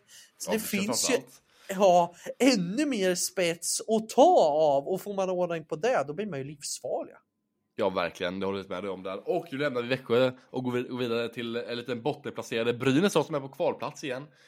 Efter en, ett tag därifrån. Och Brynäs då har en tuff vecka kan man minst sagt säga. Robert, tre förluster den veckan för Brynäs del. Man torskade i tisdags mot Oskarshamn med 1-4 och torskade man borta mot Linköping i torsdags med 5-2 och torskade man även hemma mot Frölunda i lördags med 2-5. Ja. ja, du, eh, har alla avgått eller eh, finns någon där uppe på kansliet i Brynäs? Om spöket Laban, a.k.a. Johan Alsen, eh, hur det går för han och hans jobb. Han har, lite, han har, han har dukat intervjuer med Simon, han har dukat intervjuer med andra medier också, även mig inkluderat där. Ja. Eh, så Ja, han har verkligen gömmer sig för media kan man lugnt säga Johan Sen där. Undrar varför egentligen, men det får vi nog aldrig svar på riktigt där. Men... Han, var ju, han var ju ute i eh, sina lokala medier såg jag nu, att de i sina lokala kanaler hade ja. gjort någon form av intervju och där var det väl lite mer att, han, att de skulle köra vidare på det de har byggt och lite sånt. Men ja, ja mycket, du! Mycket, mycket klyschor var det i podden. Brynäs har ju en officiell podd som var med i där. Väldigt, väldigt livet där när all kritik mot han riktades där. Men han framförallt var ju med i den podden och eh, det var mycket klyschor där från hans del kan man säga i den podden. Ja. Så, ja. ja men det, det, jag är lite orolig nu för, för Brynäs för att man har tappat tappat lite av det man gjorde väldigt, väldigt bra i fjol. För då hade man ett grundspel som jag tycker satt ganska så bra. Man var lite halvtråkig att titta på. Det måste man väl säga som hockeykonnässör. Men man spelade ett väldigt bra styrspel. Man hade det här liksom finska implementerade styrspelet från det finska landslaget. Där man liksom hade tydliga linjer i spelet och man hade en, en, en ja, men en, en, eh, en bra kapacitet på så sätt. Man, man, man kunde liksom vinna många matcher på så sätt. Eh, nu tycker jag att man har, man har liksom gått ifrån det och ska spela någon form av, jag ska inte säga flashigare hockey, men man vill, man vill chansa mer och man vill, man vill ta större risker. Man spelar med ett större risktagande. Och det går inget bra. Nej, håller det är med det där. Så man har inte laget för det kanske att spela så. Så det är väl det man spelar, den defensiva strukturen som man ska uppehålla här framöver kanske. Och spela lite mer safe än vad man har gjort än så länge tycker jag. Men, äh, men Brynäs, alltså har man verkligen den här spetskompetensen i laget? Det är tveksamt till det. Alltså man har ju... Det är ett väldigt, ja, minimerat lag tycker jag där framförallt. Ja, alltså jag, jag, jag tycker det är liksom med, med, med deras del, det, det, jag tycker att det, det, det är ju för få spelare även där som, som har kommit upp i nivå. Vi tänker en sån som Ola Palve eh, framförallt, men även en sån som liksom Nick Olesen. Det är lite för mycket humörspelare. Eh, Hannes Björnen har väl kanske inte riktigt kommit igång på det sättet man hade trott tidigare. Men samtidigt heller. så Hannes Björnen var verkligen en spelare man förväntade skulle göra mycket poäng egentligen. Alltså jag hade inte riktigt någon förväntningar på Hannes Björnen. Jag tänkte Alltså Hans Björn har ju aldrig varit den stora poängmaken. Han har, han har väldigt gedigen center som tekar bra, som är stark liksom i dueller, bra på att täcka puck. Men är han verkligen mycket mer än så? Alltså han var bra i finska ligan också, men det är ju stor skillnad mellan finska liga och SHL. Sett till liksom hur man, vad man behöver för att ha, liksom, ha egenskap för att kunna göra mål och egenskap för att kunna göra assist och så. Jag ser inte riktigt att det finns det i Hannes Björnen och har sällan gjort det faktiskt under innan säsongen, även inför säsongen och även nu under säsongens gång. Det är bra tredje center kanske på SHL-nivå. Bra på teka, bra defensivt han också, men Fan, jag tycker man har redan den centertypen i Johan Larsson bland annat, så det blir att man får för mycket av samma centertyp. Man måste ha liksom kanske ytterligare ett par center som ska vara den här offensiva ledande centerna som Olof Palme ska vara egentligen, men som han inte har varit. Man behöver sådana typer av center också tycker jag. Det är kanske tre defensiva center som har där i Eklind, A, Larsson och Björnen då framförallt. Ja, nej men det, det, blir ju så liksom. Alltså, sen, sen är det för mycket humörspelare. Alltså, Tim, Timashov kan stundtals briljera, man kan också vara helt under isen. Eh, det är för många spelare som, som som har lite som är för trubbiga helt enkelt. Man har en för trubbig trupp. Eh, och sen har man haft en målvaktssida som man liksom, man gick in med starkaste målvaktsparet på förhand kanske. Det har inte blivit bra. Det har inte alls blivit bra. Eh, Lindbäck har inte alls kommit upp den, i den nivån som man trodde att han skulle göra. Så han sitter på en räddningsprocent på 88,9. Det såg lite bättre ut för någon vecka sedan och jag tycker man att, man, att han hittade lite mer rätt inre. Men så kom det några dåliga matcher här under veckan. Ja. Eh, man har en Tobi Karrunen som jag inte tycker håller för, för backupen och jag tycker att han under de två matcherna som han spelade, ja då hade han en samlad räddningsprocent på 85,4. Då måste du ha en jäkligt hög effektivitet om du ska, ska vinna de matcherna. Det var alltså 14 mål i veckan gör Brynäs. Alltså 14 mål den här veckan och det är det är alldeles för, alldeles för mycket såklart. Det är ju det, är liksom 4,5 mål per match insläppta mål. Ja. Ah, det, det, då, alltså det är nästan till omöjligt att det, vinna hockeymatcher. Med den offensiv man har också i bilen så är det helt omöjligt att kunna vinna matcher om man ska vinna liksom över fyra mål per match. Liksom, det går ju liksom inte. Nej, nej, men det är ju liksom som att starta i, i liksom motvind fullständigt. Det är ju liksom det. Det, ah, det är som att köra iväg med en bil utan tre däck. Fan, vi har steppat upp en liknelse här nu. Verkligen. Ja, men det är ju så. Ja. Det är ju liksom som att försöka. Vad hette han? Vi måste ju ta upp det. Vi måste ju ta upp det. Ja, det. Eh, ha, vi måste lyfta. Vi har ju, vi har ju hittat, både du och jag har ju hittat ja. en unik Jag såg det häromdagen, eller igår tror jag det var. Då såg jag en som eh, Konrad Grönlund upp en på Twitter här då, en eh, som man såg en läsarkommentar för en som heter Hans i Expressen, Aftonbladet eller vad för något. Och då skrev han angående Japans match då mot Kroatien i fotbolls-VM här då, är det blev lika. Det stod alltså 1-1 under en längre period och då skrev han här då Hans då i läsarkommentar att det är viktigt att Japan vinner om de tar sig vidare i turneringen. Och det stod alltså 1-1 då eh, så ja, det, det är slutspelsmatch för det också till dig också. Måste vinna för att kunna gå vidare och han då påpekar att de behöver vinna för att gå vidare, vilket är väldigt, väldigt, väldigt, väldigt logiskt. Sett ja, det, men det, det är klockrent! Alltså kan vi inte ja. få honom som någon form av, alltså jag skriver några till där liksom han kan väl sitta och säga så här, om en spelare blir utvisad då blir det ju inte lika många spelare på plan. det, är, det är lite Hasse Back eh, ja, det är det. Exakt, ja. nej, underbart. Så den, den måste vi ta med. Men vi, ja, I alla fall jag älskar ju liknelser. Jag tycker det är skitkul. Och liksom, så att jag, nej, helt underbart. Och vad fint att du fick med den, äh, den på Brynäs också. Ja, det kom äh, oväntat. Jag är själv förvånad själv att det. det, var, det var riktigt imponerande vidare. Men någonting ja. annat jag vill lyfta med Brynäs, det är ju också lagets, jag tycker att lagets boxplay måste också lite steppa upp. Jag tycker man ligger, mm. man ligger på 75,76 procent där. Det är inte tillräckligt bra samtidigt som powerplay. Man är liksom lite där man, man trodde. Det jag också kan tänka, det jag tycker från supporterhåll, att man måste liksom börja, börja titta här nu. För att vi pratade om tidigare att alla, allt och alla ska avgå som tongångarna har varit på sociala medier. Trodde supporten att det här laget skulle vinna SM-guld eller? Nej, alltså jag tippade Brynäs 12 under säsongen och de är ju 13 platser nu gör de ju. Så jag, jag kan säga rätt än så länge på tippningen av Brynäs. Det är ungefär så här förväntade mig Brynäs skulle spela ungefär. Ungefär som det de gör just nu. Och så ligger ungefär på placeringen de gör också nu. Jag tror att man inte ska ha så mycket högre förväntningar på Brynäs än att de ska kanske ligga där 12, 11 som så, men ja, det är svårt att, svårt att veta så här inför och så, men ja. Ja, för jag, jag tror man måste börja liksom acceptera att man, det kommer bli en en kamp för att hålla sig kvar i SHL. Jag tror man mm. måste börja inse det både från spelarhåll men framförallt från supportrarna. Alltså, jag, jag, tror man, man måste börja inse att Johan Alsen har ju precis tillträtt till den här tjänsten som sportchef.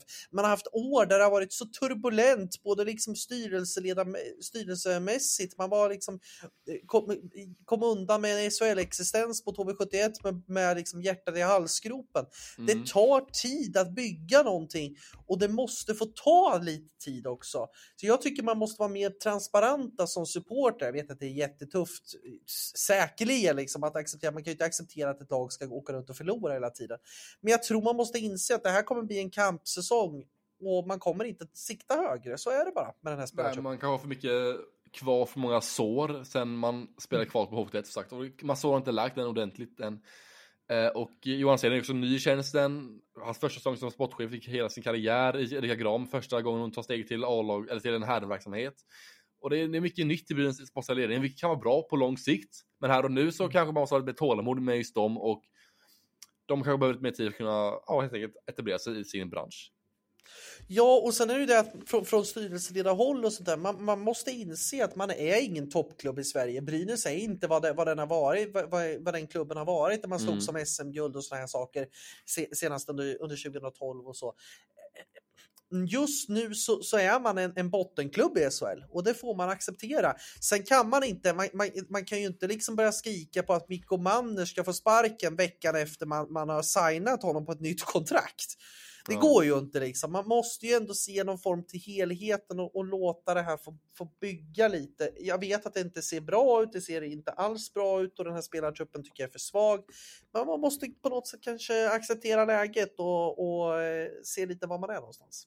Exakt, men ett bottenlag, det är ju inte Färjestad i alla fall. De ligger ju 11 poäng före Brynäs och Färjestad är alltså nästa lag ut i detta program. Färjestad två vinster, en förlust den veckan. Man vann borta matchen i tisdags mot Leksand med 2-3 efter uddamålsvinst där. Eh, sedan så torskade man borta mot Rögle i torsdags med 4-2 och sedan efter straffar mot Timrå i lördags med 3-2 straffar som sagt. Och att Victor Ejdsell avgjorde även den matchen på just straffar. Men Andreas, Mikael Lindqvist har verkligen, han har ätit någonting nytt den veckan känns som. För han har gjort fyra mål, tre matcher i veckan. Mikael Lindqvist har verkligen kommit igång ordentligt denna veckan. Ja, men det är jätte, jättehärligt alltså, att, att få in en, en sån spelare i, i, produktion som jag tycker har en väldigt hög kapacitet. Och, ja, men jag är imponerad av, en, eh, av den bredden som faktiskt finns i Färjestad och hur mycket faktiskt att det, det är alltid någon som kliver fram i det här laget tycker jag nästan mm. offensivt. Ja, så är det verkligen. Mikael Lindqvist har tyngre tidigare kanske, men nu börjar komma igång på riktigt och börjar komma hitta tillbaka sin gamla form och gamla nivåer igen. Det är kul att se tycker jag. Därför gode Mikael Lindqvist då. Men eh, ja, en stabil vecka av Färjestad tycker jag. Och inte mycket mer tillägga ja, kring dem. Tompkins eh, tycker ja, jag också har steppat upp rejält. Jag tycker han har varit eh, riktigt stabilt spel här nu faktiskt under, under, eh, ja, men under den senaste tiden. Och även Hildeby tycker jag har gjort en bra backup. Så man har egentligen två bra målvakter där eh, som kan avlasta varandra. Det är jag imponerad också över. Ja, men de är, alltså, är stabilt lag faktiskt. De är stabilt lag. Inte, ja, med topplag som är stabilt liksom tycker jag. Så det är ja, och kommer vara det hela, ja. hela säsongen liksom. Jag ser inte att de skulle, de kommer inte få, de kanske inte har samma kapacitet i de bästa stunderna som till exempel Växjö har. Eh, där tycker jag Växjö har en ännu, ännu större, stabilare spel och jag tycker att även att Timrå kanske kan lysa mer offensivt än vad Färjestad kan göra eh, i de bästa stunderna. Men man har en stabilitet, man har ett grundspel, man har liksom saker och ting på plats som gör att man alltid kommer vara där uppe i toppen. Man kommer inte få några längre svackor. Liksom. Så att jag, är, jag är imponerad faktiskt. Ja, och också under veckan så har Wallin varit i Schweiz också och ska spela inför säsongen och har kontakt med Magnus Nygren och Jakob Lados för nästa säsong också. Får man hem dem säsong också blir det ännu farligare nästa, nästa år också, Färjestad. Så det är kanske någonting att klura på också till nästa säsong. Verkligen. Och så såg jag att... Verkligen. Och så såg jag att Mikael Wikstrand var väl tillbaka på lite lättare isträning tror jag. Ja, det är också positiva besked. Fel. Om jag inte är helt ute. Nu kan jag vara helt ute och cykla. Nu kanske det är Zanzibar-solen som har... Eh... jag tror, jag tror, jag har för mig att jag såg något Twitter-klipp på det där. Ja, men det kan mycket möjligt säkert. Så att, eh, och får man in honom till den här, eh, till den här back, eh, backuppsättningen, ja, men då är det ju en, en superförstärkning. Det tycker jag definitivt. Alltså kan han komma tillbaka och vara i något och i spelduglig skick igen, då ja, det ska det bli intressant verkligen. Mm. Lennström kommer tillbaka snart också tror jag i Färjestad också. Så kanske var jag. Du, vet du vad jag tror att det var? Jag tror att det, det var, var jag som har... Lennström tror jag är som har gått på is. ja. Så jag tänkte på det först också, du sa det. Det kan ha varit Lennström. Så... Jag har också sett klippet någonstans. Så är det, så ja. är det. Att han börjar närma sig comeback nu efter den Men han var tillbaka i januari tror jag det var någonting. Började sluta av ja. december, början av januari någonstans. Tror jag han ska tillbaka. Enligt deras rapporter och sånt känns som. Definitivt. Men det var denna veckans match Andreas och nu har du uppträtt lite av eh, SHL-veckan när du var borta i Zanzibar lite också. Så det har fått uppdatering där också. Det är kul.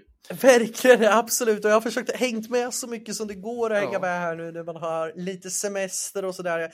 Jag väntar en ganska intensiv period. Jag ska faktiskt träffa förbundskapten Jan Andersson på måndag, nästa, eh, nästa måndag när vi har spelat in det här.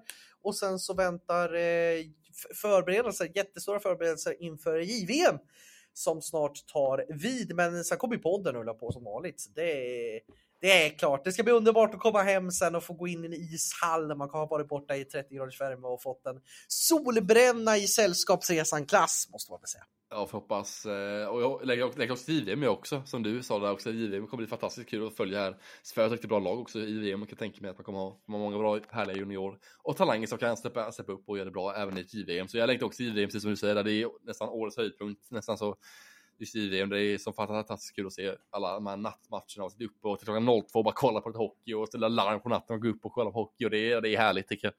Ja, men verkligen. Och sånt.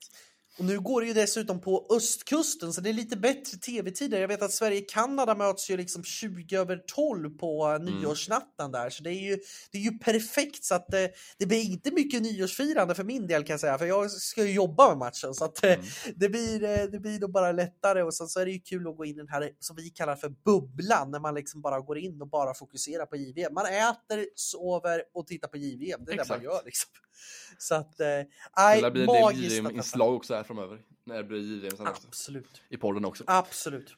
Verkligen. Så det var så veckans match som sagt och vi har ju ett segment kvar innan vi avslutar här och det är ju veckans hetaste den här veckan då och den här veckan så börjar direkt om veckans hetaste händelse och det är väl att Örebros låneaffär med Modo då angående Richard Smarenis. Det var det många som höjde på ögonbrynen där när Richard Smarenis floppen nästan i Modo går till SHL-klubben Örebro för att hämta ny kraft och ny energi därifrån. Och han inledde sin Örebro-karriär med att få en tre matchers avstängning. Lite olyckligt kanske, men så man ja. Vad tycker du om Riyad Smarenis då intåg här nu i Örebro?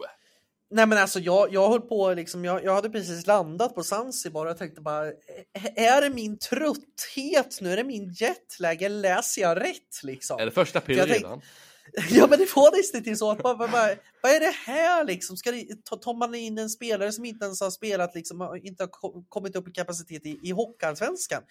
Eh, jag tycker det var jättemärkligt, men sen när man väl börjar se det lite mer så tycker jag ändå han gjorde en ganska så bra premiär, förutom att han, han blev avstängd efter en huvudtackling.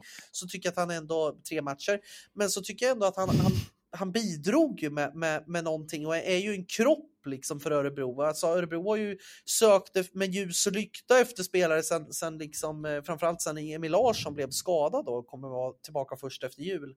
Eh, så att, och även Adam Hoffbauer har ju varit skadad. Så man har ju varit enormt skadeskjutna och gick ju in med en, med en för, för svag, enligt mitt tycke i alla fall, forwardsida med för lite spets. Nu får man ju inte in någon spets riktigt, det, det tror jag inte han kan leverera. Men det blir en kropp till. Sen tycker jag att det är av de uppgifterna som man har hört, bland annat av Sanny Svensson, då, utmärkta podden med Mr. Maddock, då, som, som uppgav att den här låneaffären kostar någonstans mellan liksom upp mot en miljon. Och för de pengarna så undrar man ju bara oj, oj, oj, oj. Mm. Är marknaden verkligen så, så, så, så tunn? Så du väljer att ta in en hockeyallsvensk spelare som inte ens har liksom färgat speciellt mycket mod och gjorde bra säsong i Vita Hästen i fjol och var ett jagat byte inför den här säsongen. Men att man betalar en miljon för en sån spelare för den här säsongen. Det är ju 200 000 som är lönekostnader och sen är det ju ytterligare då ja, runt 800, någonstans mellan 700 och 800 000 skulle jag tippa på i, eh, i eh, resten av kostnader. Är det ja. värt det? Har har Örebro sprängt banken eller vad är det frågan om? Det får vi vänta och se lite hur det utspelar sig. Detta. Man ska lika gärna göra storsuccé i Örebro, det vet man inte heller, men inte för att jag tror att han kommer göra det, man vet aldrig, det kan ju lika gärna bli så att han gör det bra från sig framöver här, men nu har jag ju sagt avstängd tre matcher, är lite och så. Men vi får helt enkelt se hur Marinus kommer bli i Örebros del och det är mycket pengar sagt som säger där. Det lär väl vara runt 600 000 kan jag tänka mig att det kommer landa på den affären. En miljon tror jag är tveksamt, men runt 600 000 kan jag tänka mig att det landar på ungefär. Med alla mm. bonusar och lönekostnader och kompensationsersättning och vad det nu lider för något. Exakt. Och då går vi vidare till nästa kategori under detta segmentet då, och det är veckans spelare och det har valt ut Mikael Lindqvist då med sina fyra mål i veckan och framförallt har gjort två kvitteringsmål i veckan som har lett till två vinster. Och han har varit en stor avgörande faktor att Färjestad har vunnit två matcher den här veckan. Och eh, ja, en väldigt bra vecka av Mikael Lindqvist helt enkelt. Verkligen. Nej, men en spelare med kapacitet som så kliver fram när Färjestad behövde det som mest i de här matcherna och är ju liksom tungan på vågen. Så att eh, helt rätt att utse honom till veckans bästa spelare. Mm. Det fanns ju många att välja på den veckan. Det fanns ju, fanns ju Joe Canatta bland Oskarshamn där med fem inställda mål på, på tre matcher. och ut väldigt bra där mot Brynäs bland annat i tisdags. Sen fanns det också Jonas Liten i Timrå med fast bra vecka. Hällnemo i Skellefteå en bra vecka också. Fanns många där till att välja på. Men Schmeichel hade du också. Ja, eh, också. Kalle hade jag också. Också. Fanns det många att välja på den veckan. Men Lindqvist blev ändå mitt slutgiltiga val på denna punkt. Jag tycker jag blev en, en riktigt, riktigt bra, eh, riktigt, riktigt bra val. Yes, och veckans hetaste tankefundering då, eller anmärkningsvärd den här veckan, tycker jag är att det fanns, det var en väldigt extrem vecka den här veckan tycker jag. Det var många förluster och många vinster. Bland annat hade Luleå, Leksand, Brynäs och Malmö hela tre förluster på tre matcher och det är första gången det här året som jag ser att mer än ett lag torskar samtliga tre matcher under en hel vecka. Lite anmärkningsvärt Ja. där och någonting att lyfta. Absolut, och jag tycker det är en jättebra spaning och jag tycker vi går in i en intressant fas just nu av, av säsongen. Där det har slitit lite mer på lagen, det har varit ett ganska så intensivt spelschema, framförallt för de lagen som har spelat i CHL. Eh, vi går in i en ganska tuff fas utav liksom, säsongen just nu, där viktiga poäng står på spel. Och liksom, då tror jag att det kommer kunna bli lite mer av de här så kallade slumpsen, liksom, att, att att man kommer kanske, kanske få lite längre förlustrader. Att det kanske det är nu det verkligen visar sig vad truppbredden ger och hur mycket, hur viktigt truppbredden är. För det är en sak att göra det bra under inledningen och, och liksom studsa tillbaka lik Malmö. Men nu är det ju liksom den, den här kapaciteten, den avgörande kapaciteten för lång sikt. Hur Mm. liksom, var står sig lagen när det, är, när det är i den nivån liksom? Ja men exakt, det undrar jag också. Eh, och det ska bli intressant att följa lagen här framöver. Det kanske det är bättre lag får alltid får lag jättemycket självförtroende nu eller får vissa lag lite mindre självförtroende och det börjar spegla av sig även i prestationen tycker jag nu när vi börjar närma oss halva säsongen spelare också och sånt. Och så blir det intressant att se sen när vi börjar närma oss de här 30 matcher spelade, 32 matcher, 35 matcher, 40 matcher sen. Det- Så det börjar närma slutet av tabellen också. Hur det kommer utspela sig och hur det blir tabelläget också. Och hur man, alltså det känns att inget lag kommer kunna andas ut ordentligt innan sista omgången spelar. För så jämnt kommer det vara under hela säsongen och under hela avslutningen av hela säsongen. 22-23. Absolut, absolut. Yes. Men hade vi några lyssnarfrågor Andreas eller? Nej, jag tror vi har dragit alla. Jag tror vi har dragit alla. Det var bara Zanzibar, Zanzibar-frågor här nu. Så ja vi har, exakt. vi har det är lite Zanzibar-inslag blir det ju när du är där borta och glassar dig. Exakt. Jag ska gå klockan är halv sex här nu så det blir ett litet kvällstopp och sen så blir det lite middag. Sen kommer jag resa hem faktiskt ganska snart. Jag ska ju resa hem på torsdag så jag är hemma i Sverige tidigt fredag morgon. Sen är det bara back on track igen på jobb, det jobbmässiga liksom. Jajamän, men innan vi avslutar här så ska jag också säga att eh, fick nu uppgift, eller det kommer ut här att Oskar Fisker Mölgård, han kommer få ansöka kontrakt med HV1 nu. Eh, första seniorkontrakt med HV1. Kom ut nu på deras sociala medier. Väldigt kul. Jag tycker han har avslutar- verkligen avslut- visat. Ja, verkligen. Vi ska avsluta podden också med att säga grattis till Fisker Mölgård och till HV1 för fantastiskt bra kontaktskrivning eh, där av han. Absolut. Men det var Det får podd bli- enkelt. Ja. Mm. Det Har tycker du jag några vis, bli... har du några visa ord Andreas från Zanzibar eller har du några sista visa ord från Zanzibar? Jag säger Hakuna Matata Hakuna och så, Matata. så blir det, eh, blir det ett eh, och hoppa i poolen. Ja, det låter härligt. Njut av den 30 plusgrad i Zanzibar ska jag vara här i. Två plussiga Kalmar och eh, frysa sönder här nu kommande vecka. Men det var den här veckan helt enkelt och hoppas att ni tycker om på, på avsnittet och att vi ses nästa vecka igen. På tisdag. Ha det bra med er nu. Hej då! Hej då!